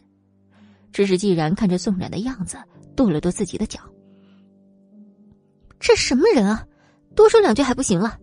我不是他的前辈吗？难道？王导看着既然气急败坏的样子，无奈的笑了笑，喝了一口自己手里的水。既然，你都说了自己是前辈，有些事情还是不要做了吧。还有，你明明知道宋冉现在是我们剧组里面的人，你这次这样做事情，可不厚道啊。一百七十三集。既然看了一眼王导。知道王导现在是以上帝视角在看这件事儿，既然抿了抿唇，知道自己这次做的时候确实没有考虑到王导，他干脆就不再说些什么。知道了，王导，我先出去了。王导看着既然走出去之后，摇了摇头，这姑娘演戏上有天赋，但这心高气傲的性子，早晚要惹出大事儿来。另外一边的片场里。现在是宋冉跟蒋平安在对戏，蒋平安在戏里的角色是一个高贵冷艳的女人，多多少少带了一点傲气。这场戏里，蒋平安作为一个女三，扇了季然，也扇了宋冉。现在拍的这场戏是蒋平安扇宋冉的这场戏。你为什么要这么对我？有什么事情不能好好说话解决吗？哼，在我的世界当中。却没有好好说话解决这件事儿。我的世界，不过只有非黑即白这几个字，顺我者昌，逆我者亡。蒋平安的角色说完话之后，转身就准备离开，但是宋冉演的这个角色却伸手去拉蒋平安。蒋平安几乎在宋冉的手碰到他胳膊的一瞬间，就扭头一巴掌扇了过去。宋冉知道这场戏是这样演的，但是他倒是没想到。蒋平安这一巴掌会这么重，宋冉本身穿着高跟鞋，这一下直接摔倒在了地上。本来宋冉以为这条会重拍，但好在王导看了之后，觉得这一场戏因为这个摔倒反而更显自然一些，就这么过了。蒋平安踩着自己的高跟鞋走到宋冉面前，将自己的手递过去。宋冉还摔在地上，愣了愣。蒋平安有点无奈的勾唇：“你起来不起来？我现在可要走了。”宋冉知道蒋平安这是在给自己台阶下。他笑了笑，然后握住蒋平安的手，顺势爬了起来。片场的其他人这下心里面又有嘀咕了。他们原本以为宋冉发生这样的事儿已经是过街老鼠，人人喊打。只是现在看来，这宋冉还有翻盘的机会。这下子，原本对宋冉不是那么尊敬的几人，又要斟酌斟酌自己对宋冉的态度了。既然知道这场戏是蒋平安打宋冉。他原本在看宋冉顺势倒地时，心里还有一丝窃喜，只是当看到蒋平安把手递出去时，脸色直接就变了。整个圈子里谁人不知，蒋家大小姐有很严重的洁癖，心高气傲的很，自己的衣服也好，手也好，从来不会让人碰，除非是非常亲近的人。现在蒋平安把自己的手递出去，分明是把宋冉当成自家人，这种事情。既然怎么会允许它发生呢？既然三两步走到蒋平安面前，蒋小姐的打戏真是一如既往的精彩啊，干脆利落，丝毫不拖泥带水，当真是让人看了心潮澎湃。蒋平安看了一眼自己手中的杂志，不太想搭理眼前这个女人。既然丝毫没有自己被冷落的自觉，依然在那儿呱呱的说话。只是我倒是没想到。蒋小姐会下手这么重啊！蒋平安猛地把自己的杂志合起，站起来。蒋平安的身高本来就比季然高上一点，再加上蒋平安的气势和气质又那么好，所以季然在蒋平安面前简直就像是低了一头一样。我刚才在正儿八经的拍戏，你这样说话岂不是在污蔑我？还是说你早就准备好录音器材什么的？就等着这件事儿把它做实，然后发到网上，再顺便抹黑我一把。我，不是我，我没有。蒋平安瞥了一眼季然，没有搭腔。正好那边王导喊他们拍下一场戏，蒋平安踩着高跟鞋就走了过去。侧身的时候，故意离开了季然。既然咬了咬自己的嘴唇，自己原先是想。要在这儿跟蒋平安说一说宋冉的坏话，现在看来还当真是偷鸡不成蚀把米呀。两个人很快到了片场，蒋平安还是那副十分冷艳的样子，只是这次蒋平安的造型换成了坐在椅子上。你今天来找我有什么事儿吗？姐姐，我求求你，成全我和阿成好不好？没错。这场戏里，蒋平安演的角色是男主角的姐姐。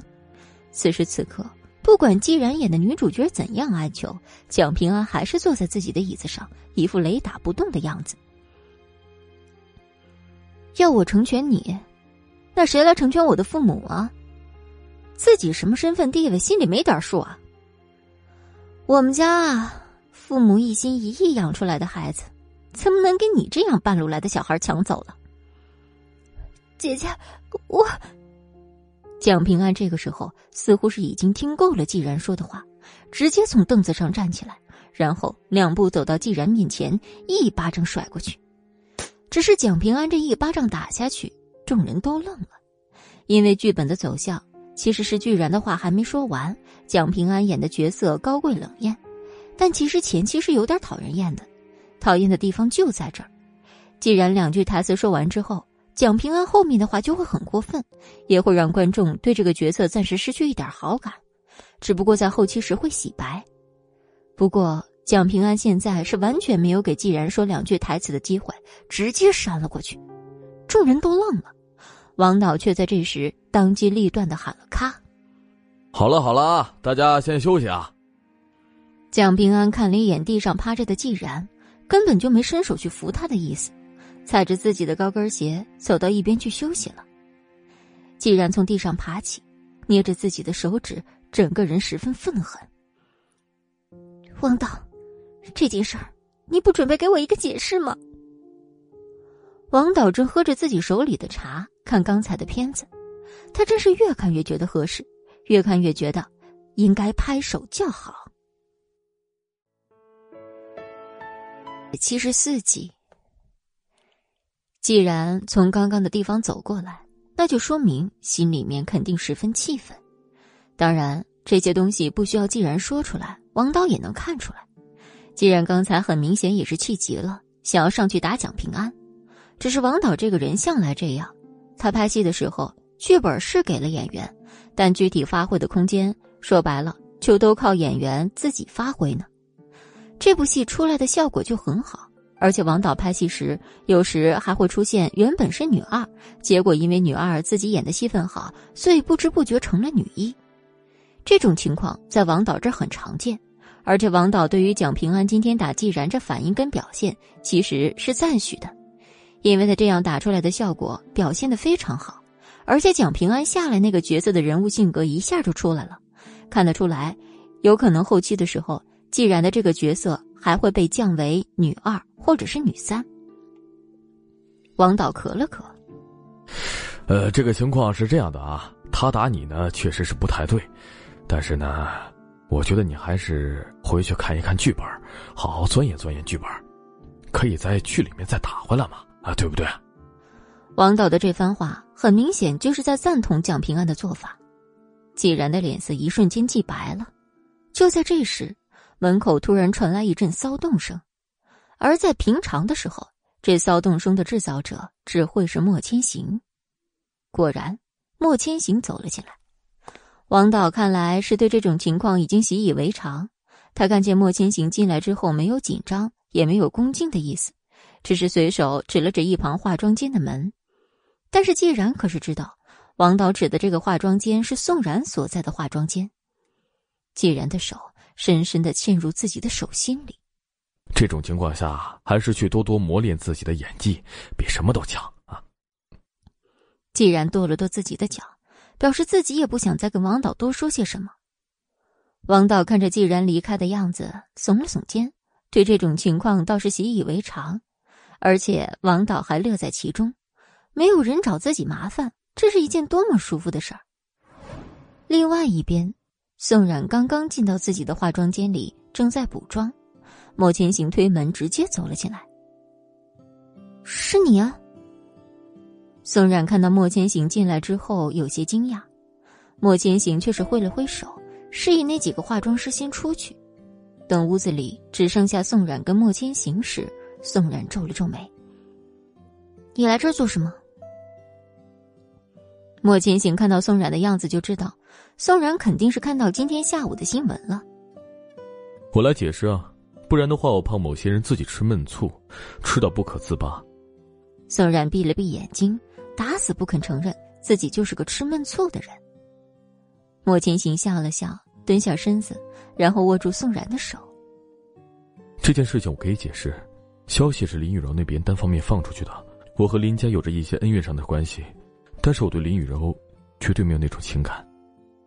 宋冉抬头看了一眼莫千行，也不知道是相信还是没相信莫千行所说的话。这件事比较难处理，看得出来，我们应该是被人当靶子使了。而且如果不出我所料的话，我现在来到你化妆间的事情，明天或者今天晚上，应该就会重新被上热搜。宋冉听到莫千行说这番话，脸色一瞬间紧张了起来。那，但是我们现在就是要找出这个人来，绯闻也好，或是什么其他的谣言也好，他既然做了，就一定是有一定目的的。如果只是单纯的针对你这件事还好说，如果还牵扯到一些别的事情，只怕就不好解决了。而且这件事情当中牵扯到林雨柔，我觉得你心目当中应该已经有一个人选了。只是我们现在比较欠缺证据。宋冉听到莫千行的话，点了点头，而他的确在知道自己绯闻时，心里有了一个数。那，你究竟准备怎么办？既然他敢说，那么就一定会付出一定的代价。我们只需要静观其变，把他揪出来就好了。林雨柔那边呢？你怎么打算的？果不其然，莫千行听到宋冉这问题，一瞬间勾了勾嘴角。宋冉的脸随着莫千行的笑也红了起来。你笑什么呀？这件事情解决了之后，和我回莫家去住，好不好？宋然已经把话问出来，干脆就破罐子破摔，很干脆利落的甩开莫千行牵着的手。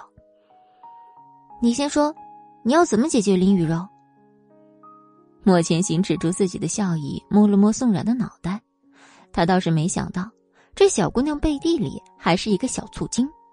看起来，如果莫千行今天不把这事儿解释清楚，他怕是今天晚上都要睡不着觉了。林雨柔那边暂时还不能动，她背后有林家，而且这件事情她有很多的解释方法。她可以说自己只是因为吃醋，所以才发了这个微博而已，把你推上众矢之的，也许是她的目的。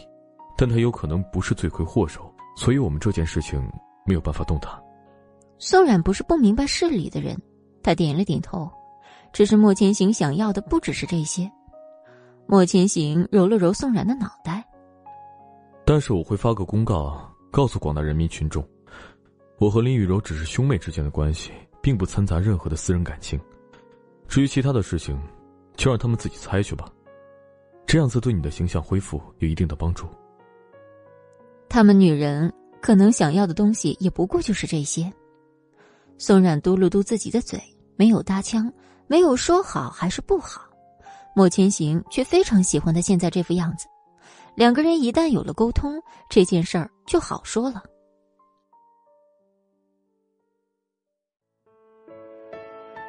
百五十七集，莫千行和宋冉两人在屋子里腻歪着。另外一边的林雨柔可以说是焦头烂额，林雨柔正和季然待在一起，林雨柔直接把面前的杯子全都摔到了地上。现在这种情况，你跟我说要怎么解决？你说啊！当时不是满腹信心吗？现在怎么一句话也说不出来了？既然皱了皱眉头，他到哪里能够想到莫千行会这么狠心，直接对外宣布。他和林雨柔两人是兄妹关系，他以为不管怎么说，莫千行也会看在林夏的面子上，对这件事不加评论。这样看来，莫千行对宋冉的感情当真是没法评论。只是现在，林雨柔竟然还好意思在这发脾气，既然的火气一瞬间上来了。说说说说说，我有什么好说的？这件事儿难道你就没错吗？若不是你抓不住莫千行的心，我们现在至于会这么被动吗？这也是你跟我说话的态度吗？要不是你，我会被卷入这风暴当中来吗？要是莫千行今天来问我这件事，你要我怎么说呀？你爱怎么说怎么说，反正我还有事儿，我先走了。林雨柔看着季然摔门走开的神情，整个人十分气愤。你给我回来！只是摔门走的季然根本没有心情去在乎林雨柔的样子。林雨柔在屋子里气得把杯子全都摔在了地上。既然走出门之后，脑子立刻就在转动。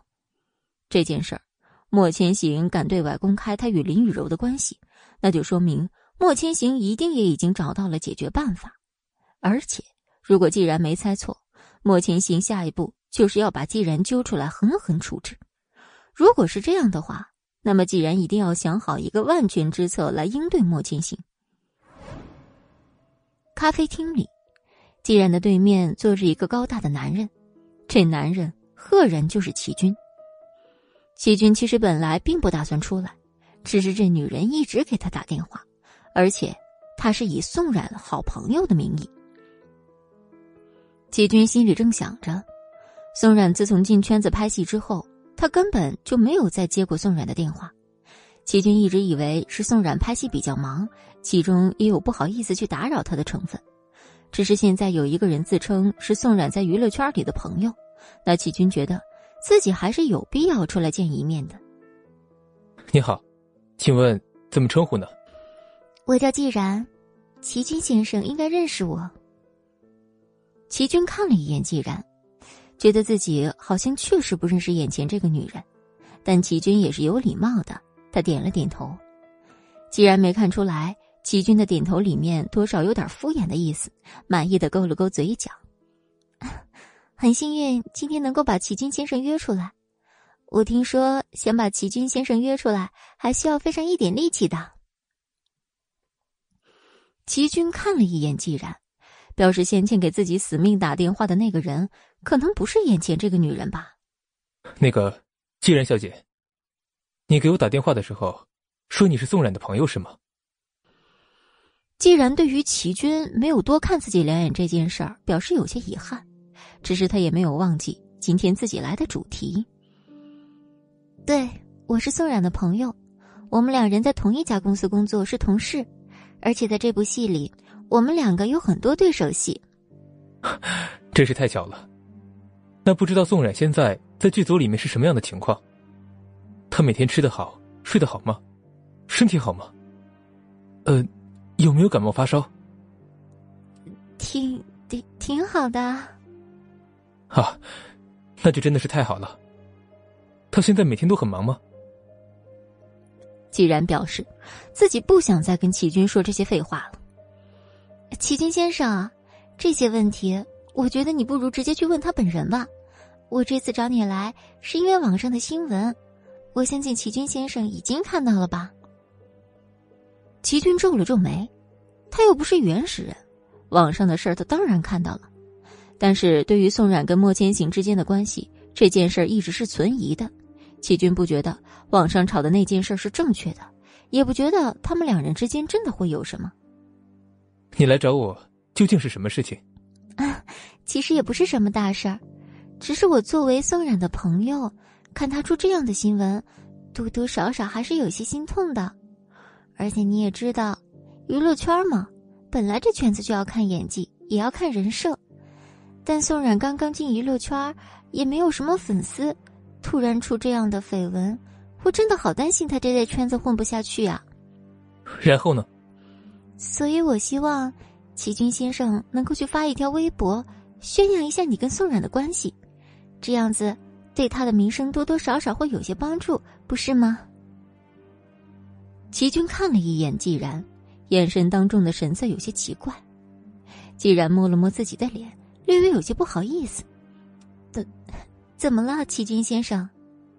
我是有些好奇，你都在哪里看到关于我的信息的事情的？有一部分是在网上听说的。齐军点点头，看得出来这个人应该对自己了解不多，所以觉得他有心脏病就可以这样随意的糊弄他，以为他一点都不懂外界的规矩。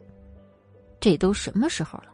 齐军要是现在去发微博，随意说他跟宋冉之间的关系。只怕会对宋冉在外界的名声影响越来越大，而且会越来越难看。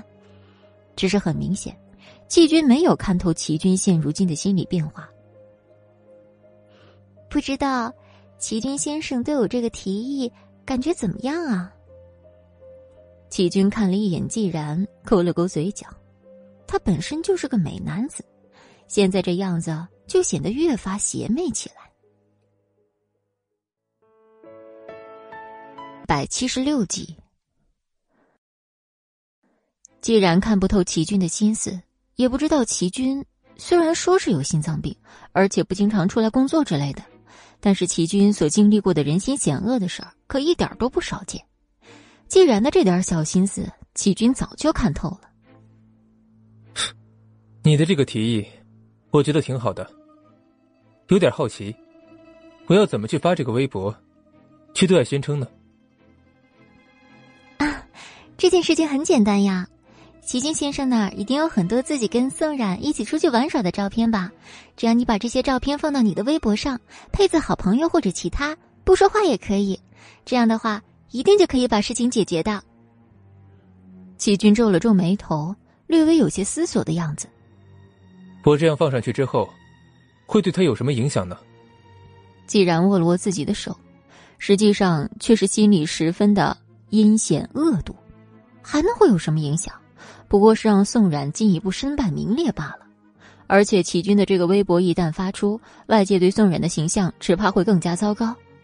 一个刚刚入演艺圈的新人，且不说自己演技如何，就单是看着和两个男人纠缠不清，其中一个还有未婚妻的行为，这种情况下，大家对于宋冉只会更加瞧不起。不会有什么影响的，你这样做了之后呢，嗯，会让宋冉在外界的形象一下子提升很多，大家会认为他其实不那么好欺负，也就不敢再啰嗦些什么了。真的吗？大家都是这个样子的吗？既然点了点头，齐军笑了笑，然后拿起自己的手机。时间不早了，我先走了。既然对于齐军这突如其来的脸色变化还没反应过来。哎，齐军少爷，刚才说的事情，我会好好考虑的。但是我现在要先回去了。齐军一边说话，一边挥了挥自己手里的手机，他眼神当中的神色是既然没看透的。另外一边，片场化妆间里，莫千行终于和宋然把所有的事情都讲明白了。莫千行揉了揉宋然的脑袋：“你今天下午还有戏吗？”王导那边好像说，今天下午的档期已经全部拍完了，带你去游乐场玩好不好啊？附近有一家新开的游乐场。可是，媒体还是会拍到的，还是不去了吧？如果觉得在这里拍戏很辛苦的话，可以啊，退出这个圈子。说不辛苦是假的，每天都要在这吊威亚、下冷水。但是我很喜欢这样的生活，所以我不会退出这个圈子，你也不用太操心。如果有什么不会的事情，可以去问王导，他人挺好的。王导这时正好站在门口，王导是想要来跟宋冉说一说上午拍戏上的一些瑕疵，毕竟不是科班出身，拍戏就算勤奋上进，但是还少了那么一点点天赋，拍出来的戏多多少少有一点瑕疵。只是谁知道，自己还在门口站着，就听见莫千行给自己背了这么大一锅，他王导可从来不知道。自己对别人很有耐心，我人挺好的，这件事情我怎么不知道啊？宋冉看到王导来了，立马从莫千行怀里退出，王导却像是习以为常一样挥了挥自己的手：“呃，你们可以当我不存在啊。”莫千行也很洒脱。这种情况下，应该要王导先离开这里才比较合适。宋冉现在可不敢对王导这样说话。王导私底下时好像比较和善，但在片场上熊人的时候，宋然可是深深的记住了那个样子。王导，不知道你来找我有什么事？网上的事情我已经看过了，有一小部分呢得到了解决，但是不管怎么说啊，绯闻主要出来之后，对于艺人身上的影响是蛮大的。不过像你能够及时控制住舆论。不要让它涉及到你本身，也不要让它波及到我们这部戏。王导说话很现实，也很直接，但宋冉却觉得王导说的很对。这件事本来就是自己的过错，自己确实应该承担责任。只是宋冉还没开口，王导已经挥了挥自己的手。本来想跟你讲一讲今天上午拍戏的问题的，现在看来你们还是赶紧去隔壁那个游乐园去玩去吧。这个片场还是挺安全的，附近没什么狗仔。谈恋爱这种事情，干嘛掖着藏着的？王导说话之后，就从门口走了。宋冉看王导的样子，有些目瞪口呆。莫千行从后面搂住了宋冉，感觉在你这里，王导说话都比我说话要好使得多。那现在王导已经批准了，我和你一起去玩吧。我我怎么不知道？莫千行什么时候也会花言巧语的说话了？宋冉还没来得及说话，门口已经传来另外一个不怎么友善的声音。宋冉皱了皱眉头，总觉得这声音有些耳熟。果不其然，踩着高跟鞋踏步走进来的，除了林雨柔，还能是谁？你怎么在这儿？怎么，这片场是你宋冉专属啊，还是他莫千行专属？你们能进来？我就不能进来了。莫千行看着林雨柔的样子，皱了皱眉，没有搭腔。林雨柔踩着自己的高跟鞋坐在沙发上。我以前还不知道，原来片场拍戏待遇还这么好。要不然莫总，你花点钱让我也来拍戏，你觉得怎么样啊？宋冉不知道为什么，总觉得自己现在的状况很像一个小三儿，然后林雨柔就像一个正主一样，他们两人像是在被捉奸。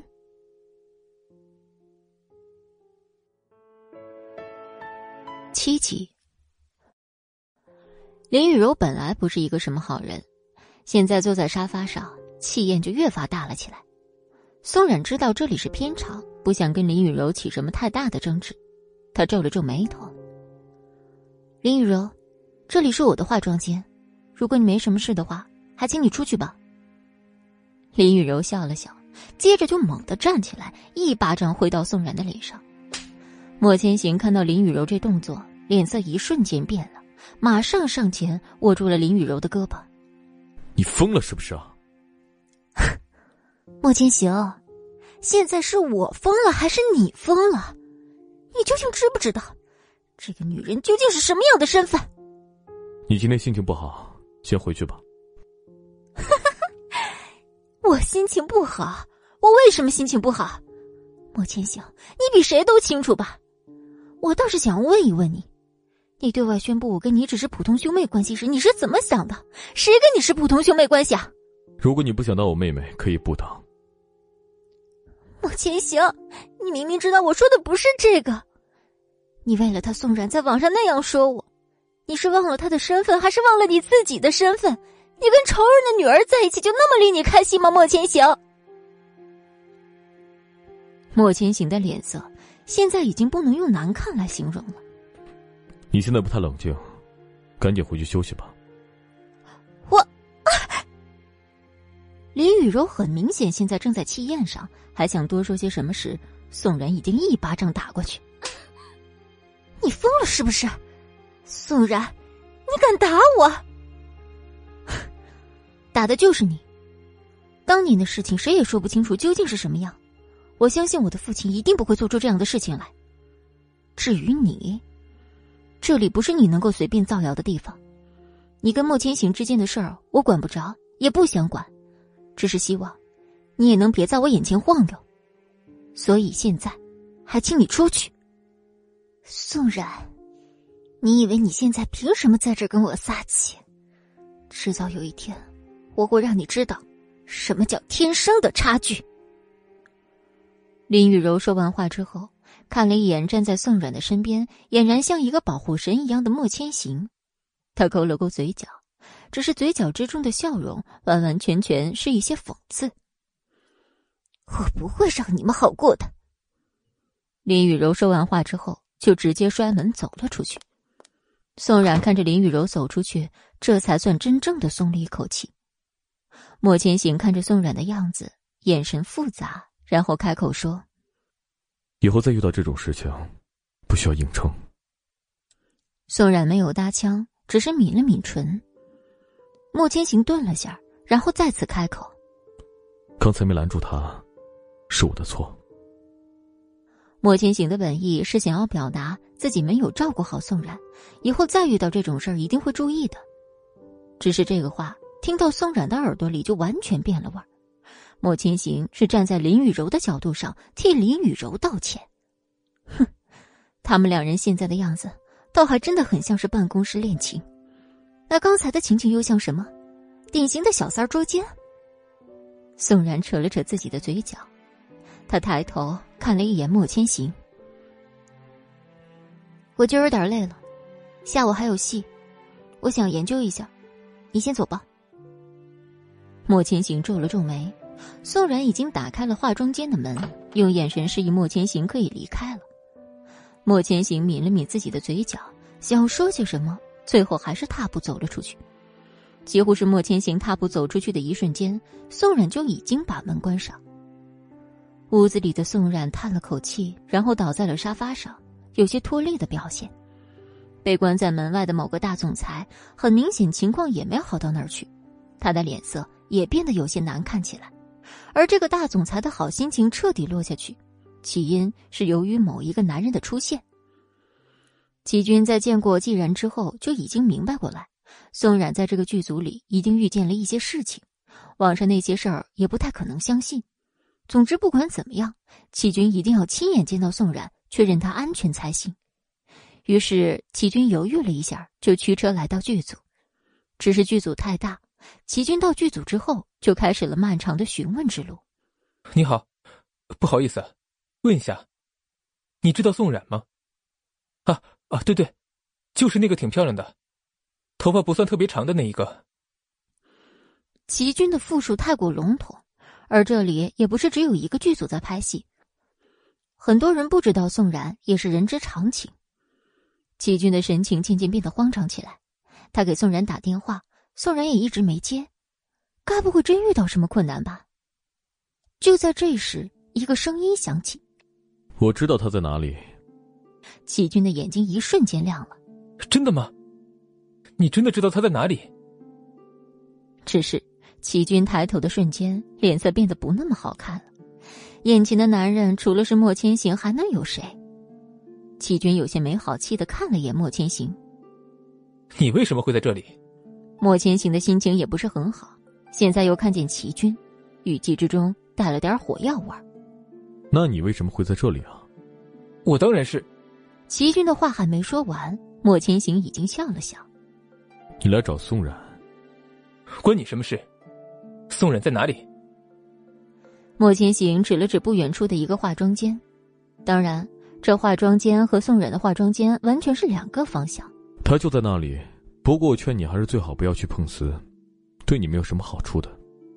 齐军一听这句话就知道一定没什么好事儿。七十八集，齐军看着眼前的莫千行，皱了皱眉头，继而开口说：“你对宋冉做了什么？”莫千行愣了一下。做了什么？我还能做什么？齐军想起网上那些新闻，想起现在的宋冉一定焦头烂额。齐军不想跟莫千行多废话。你让开，我没什么话和你说。虽然这样说，但莫千行可不太想让齐军这样跑去找宋冉。莫千行两步拦在齐军面前，神情也不太好看。怎么？你有什么话可以说？齐军皱了皱眉头，刚想要告诉莫千行不要太过于咄咄逼人，这时，既然站在片场门口，突然间开口说话：“大家，大家都先休息一下吧，大家最近都挺忙的，不如休息一下。今晚我们去 KTV 怎么样？我请客。”剧组里面的人都是人精，既然已经开口了，自然不会有人驳他的颜面。更何况这段时间大家基本上都已经很累了，现在有人请客，那这事儿何乐而不为呢？大家都表示没有意见，笑嘻嘻的答应了。既然勾了勾嘴角，走到了齐军跟莫千行面前，笑了笑：“齐军先生，还有莫先生，怎么样？今儿晚上我请客，不知道两位愿不愿意赏个脸呢？” 而且我有些疑惑，齐军先生为什么会在这儿呢？刚才网上的新闻我已经看过了。齐军听着季然的话，倒是没觉得有任何心虚的感觉。齐军刚才在网上确实发了个微博，只是言语之中说的都是宋冉跟自己是很好的朋友。这次的事情，他也相信宋冉是清白的，只是有心之人故意指使而已。如果只是这样，可能也就无所谓了。只是齐军这种万年不发微博，下面还有一大堆粉丝的人，难得发一次微博，大家就有些炸了起来。就在这个时候，微博都炸起来了，齐军又去点了个赞，而这个赞是关于季然的黑料。其实这件事儿本身也没什么，一个人只要是红了，怎么会没有人黑呢？不过这些人黑的都有些不太有脑子，加上不太能炒起来热度。所以，既然一直以来也都不太在意这些事儿，只是偏偏齐军要在自己微博热度炒起来之后，突然间去点赞这条朋友圈，其他人一时之间众说纷纭，都在议论纷纷，甚至很快就有人扒出，既然就是那个跟宋冉一个剧组的人，而且还放出之前在戏里他打宋冉巴掌的照片，一时之间大家都在说，就是既然陷害宋冉的。既然觉得有一点搞笑，只是现在齐军看着自己一副质问的样子，干脆装起糊涂来。去 KTV 吗？可以啊，正好我也很久都没有唱歌了。既然勾了勾嘴角，行啊，他不愿意说也行，自己这不明摆着被摆了一道吗？不过，他既然是那么容易被操纵的人吗？既然看了一眼莫千行，不知道莫先生是不是愿意跟我们一起去，还是说莫先生还要再等等？莫千行没说话。背后的蒋平安踩着自己的高跟鞋走过来，十分自然的把自己的胳膊搭在莫千行的胳膊上。怎么了？要去唱歌吗？我去。莫千行看了一眼蒋平安，神色之中满满的都是不赞同。蒋平安是什么样的人，他还不知道啊？看起来没什么太大的毛病，那就是麦霸，唱歌还难听。莫千行还没开始说话。那边既然已经点了点头，好啊，既然平安要去，那就一起去吧。不过，蒋小姐跟莫先生的关系还真是好呀。经过这几天的相处，蒋平安彻底看透既然是个什么样的人了。可现在他一点脸面都不打算给既然留。对啊，我们两个人的关系自然要比那些路边的野花野草好得多。尤其是那些不自量力的野花野草。蒋平安的话里句句讽刺，既然眯了眯自己的眼睛。另外一边，王导走了过来，感受到这里奇怪的氛围，他有些奇怪的摸了摸自己的脑袋。那个既然啊，你今天晚上说是要请客是吗？既然勾了勾嘴角，故作亲密的贴在王导身上，一副狐妹子的样子。对呀，王导，我今儿晚上请客，你要不要一起来？包你满意哦。一旁站着的蒋平安看着季然的样子，耸了耸自己的肩膀，只觉得自己的鸡皮疙瘩都要掉一地了。这个季然怎么是这副样子的？之前的时候，他明明还是挺傲气的一个人，最近这是怎么了？但莫千行眯了眯自己的眼睛，圈子里面就这样。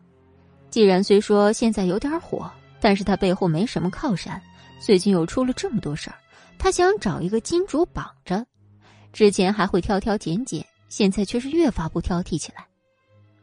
莫千行皱了皱眉头，走吧，没什么好看的。蒋平安点点头，然后拍了拍莫千行的肩膀。哎，幸好你没跟这种女人牵上什么太大的关系。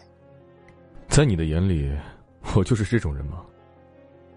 莫千行跟蒋平安两个人之间的氛围很好，只是这种好落在齐军眼睛里却是另外一回事儿。齐军皱了皱眉，一把拉住蒋平安的胳膊。蒋平安愣了一下，被拉离了莫千行，然后在他快要倒下时，齐军微微扶了他一下。只是齐军还是皱着眉，语气略有些不善的样子：“你们两个人是什么关系？”季军说话的样子很像是一个捉奸的丈夫。九级。蒋平安看着齐军的样子笑了笑，然后挥了挥齐军握着自己的手腕。齐军先生，你在说话之前，是不是先把你握着我手的手腕放下来会合适一点啊？齐军这才意识到自己似乎有些过分了。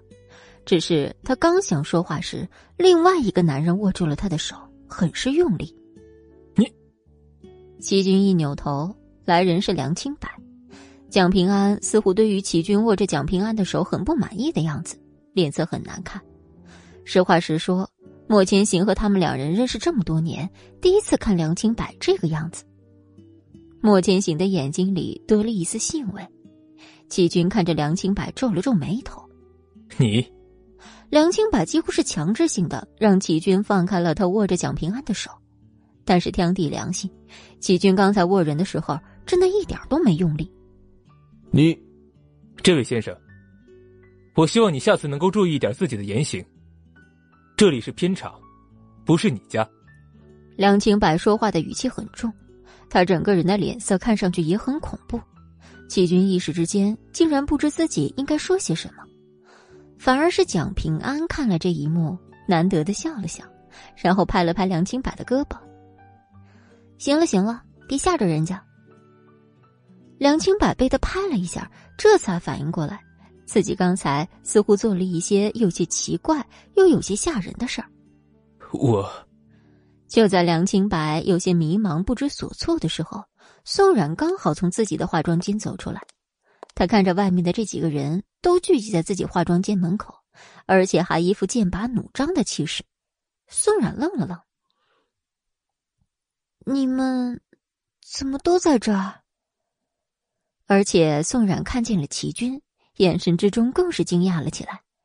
“齐军，你怎么来了？”齐军笑了笑，刚准备说话，莫千行已经表示自己有些不太满意。然后走过去揽住宋冉的胳膊，一副很是亲密的样子。今晚要去唱 K，一起去吧。剧组里面的人都会去的。宋冉犹豫了一下，然后点了点头。他不过是一个刚入职场的小菜鸟，肯定有很多事情还需要多多学习。和大家一起去唱 K 这种事儿，对于宋冉来说不值得期待，但宋冉知道自己还是要去的。这应该是一个职场新人最基本的职业素养。那边的梁清白看到事情已经解决了，就走到一边去收拾自己的东西。刚才的事儿，蒋平安势必要问清楚的，蒋平安也就跟着梁清白去了。这里只剩下齐军、莫千行还有宋冉。宋冉没有忘记刚才的话，看着齐军，很是惊讶。我以为。你不知道我在这拍戏呢。你呀你，往生的事情都闹了那么大了，我怎么可能看不见？还不是因为担心你。这么久了，连个电话也不知道给我打一个。宋然抿了抿嘴，有些不好意思的笑了笑。他其实不是不想给齐军打电话，只是这段时间发生的事儿实在太多了，而且宋然也不知道究竟要怎样跟齐军说这件事儿。更多的也是不想他担心，只是宋冉没有想到，好像就是自己这种知情不报，反而更加让人生气。宋冉有些不太好意思的摸了摸自己的头，啊，我。莫千行早就看不下去他们两人这副亲密的样子，这还是在他跟前的时候，要是他不在跟前呢，这两人还不知道是什么样呢。莫千行拉了拉宋冉的手。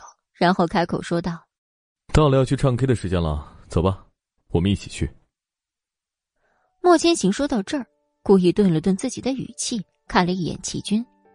齐军先生还要去吗？齐军既然已经得知宋冉还很健康，而且生活好像也没有太大的干扰，就放心了。齐军看了一眼莫千行，然后笑了笑：“自然是要去的。刚才我都已经答应了季然小姐。”不去，岂不是有点不讲诚信？莫千行不太想搭理齐军，他眯了眯自己的眼睛。齐军先生为人处事还真是让我佩服啊！既然这样的话，我就先走了。莫千行说着话，就准备拉着宋冉离开，只是这时齐军却笑了笑，然后开口说：“莫先生，我今天是坐出租车来的，不如莫先生捎我一程吧，大家都顺路。”齐军的话俨然是已经把莫千行的后路堵死了。只是莫千行向来不是一个任由别人摆布的人，他才不管什么顺路不顺路。莫千行准备拉着宋冉直接离开，只是宋冉却是在看着齐军，并且笑了笑。好呀，我们也要去唱 K，正好一起。莫千行沉默了，表示受到了一万点伤害。最后，事情的结局就变成莫千行又拉了两个人过来，让一个人开车，说是最近自己不舒服，不适合开车。莫千行、宋冉还有齐军三个人并排坐在后座，车子里面的尴尬氛围都快把坐在前排的两个人淹没了。宋冉也觉得氛围有点怪怪的，偏偏齐军像是没感觉到一样，他笑了笑：“你困不困？你要是困了就睡吧。”别太勉强自己。莫千行已经对于齐军亲近宋冉这件事儿有些不太满了，现在这齐军竟然还拍了拍自己的肩膀，示意宋冉可以睡在他肩膀上，莫千行就差炸了。他立刻把宋冉揽到自己肩上，在宋冉疑惑的睁大眼睛时，淡漠的开口：“睡觉。”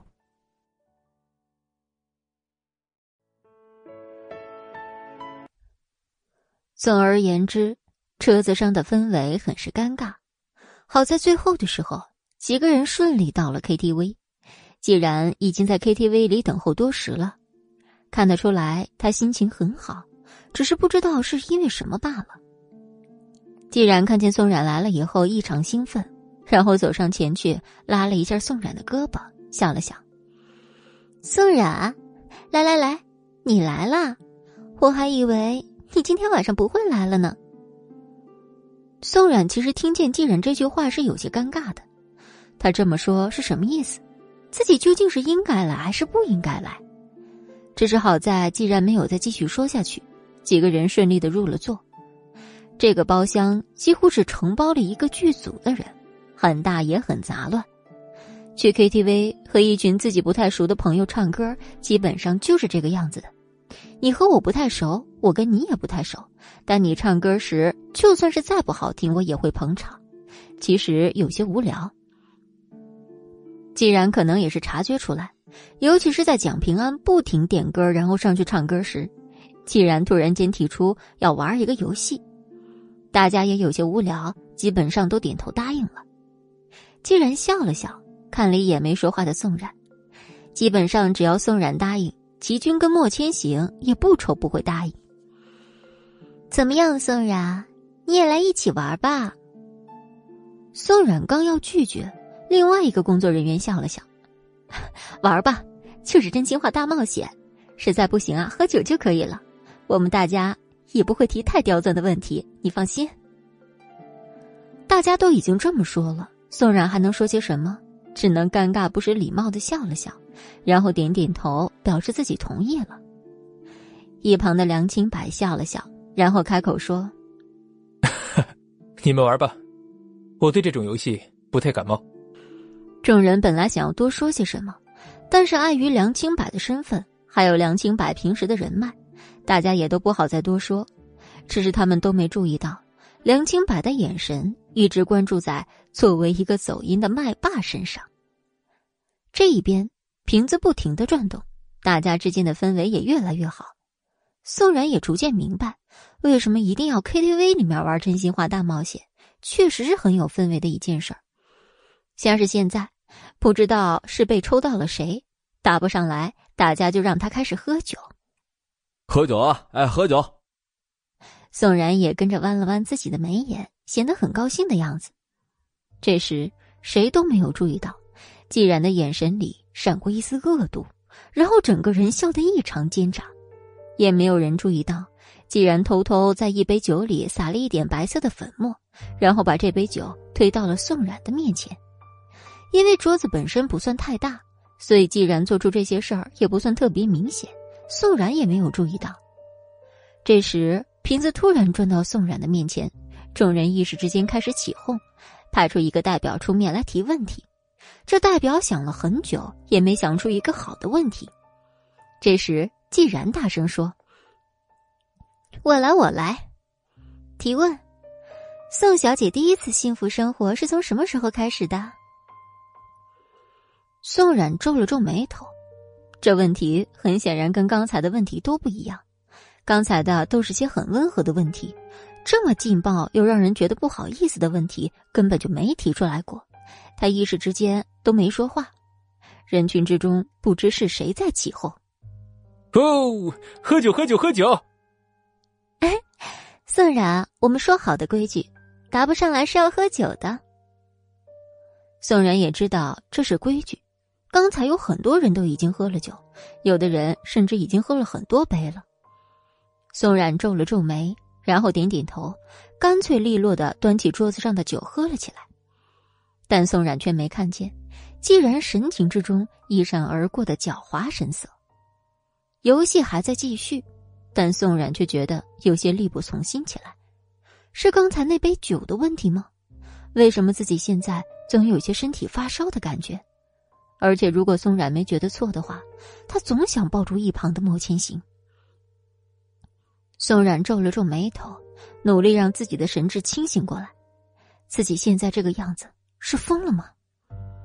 他低声对莫千行说：“我想出去一下。”莫千行不疑有他，点了点头，让了一个位置让他出去。只是他们都没看见的是，不知在什么时候，季然也跟着不见了。宋冉出去之后，越发的觉得自己的情绪有些不大对劲儿，身体彻夜未眠，有些太热了一些。自己的酒量虽不算太好，但是也没到现在的地步。就在宋冉刚往自己脸上泼一点水时，季然踏步走了进来，装模作样的给自己脸上打了一点粉，然后笑了笑：“哎呦，你这酒量还真是差劲儿啊。”宋冉抿唇，没有搭腔。以后想在这圈子混下去啊，很多事儿你都需要经历的，别怪我没提醒你。谢谢提醒。宋冉话语里让人听不出好坏，带了一点傲慢的味道。既然猛地把自己粉饼合上，然后看了一眼宋冉：“你现在能这么傲气的跟我说话，不过是因为你背后有莫千行。你以为你凭什么这么傲气？我现在谁也不靠，靠的不过是我自己。合同是我凭真本事签的，跟莫千行没有关系。”他是个商人，没投资过娱乐圈，所以他帮不上我什么忙。麻烦你说话的时候注意点好吗？既然撇了撇自己的嘴，俨然是没把宋冉的话放到自己心里。他把自己的粉饼收起，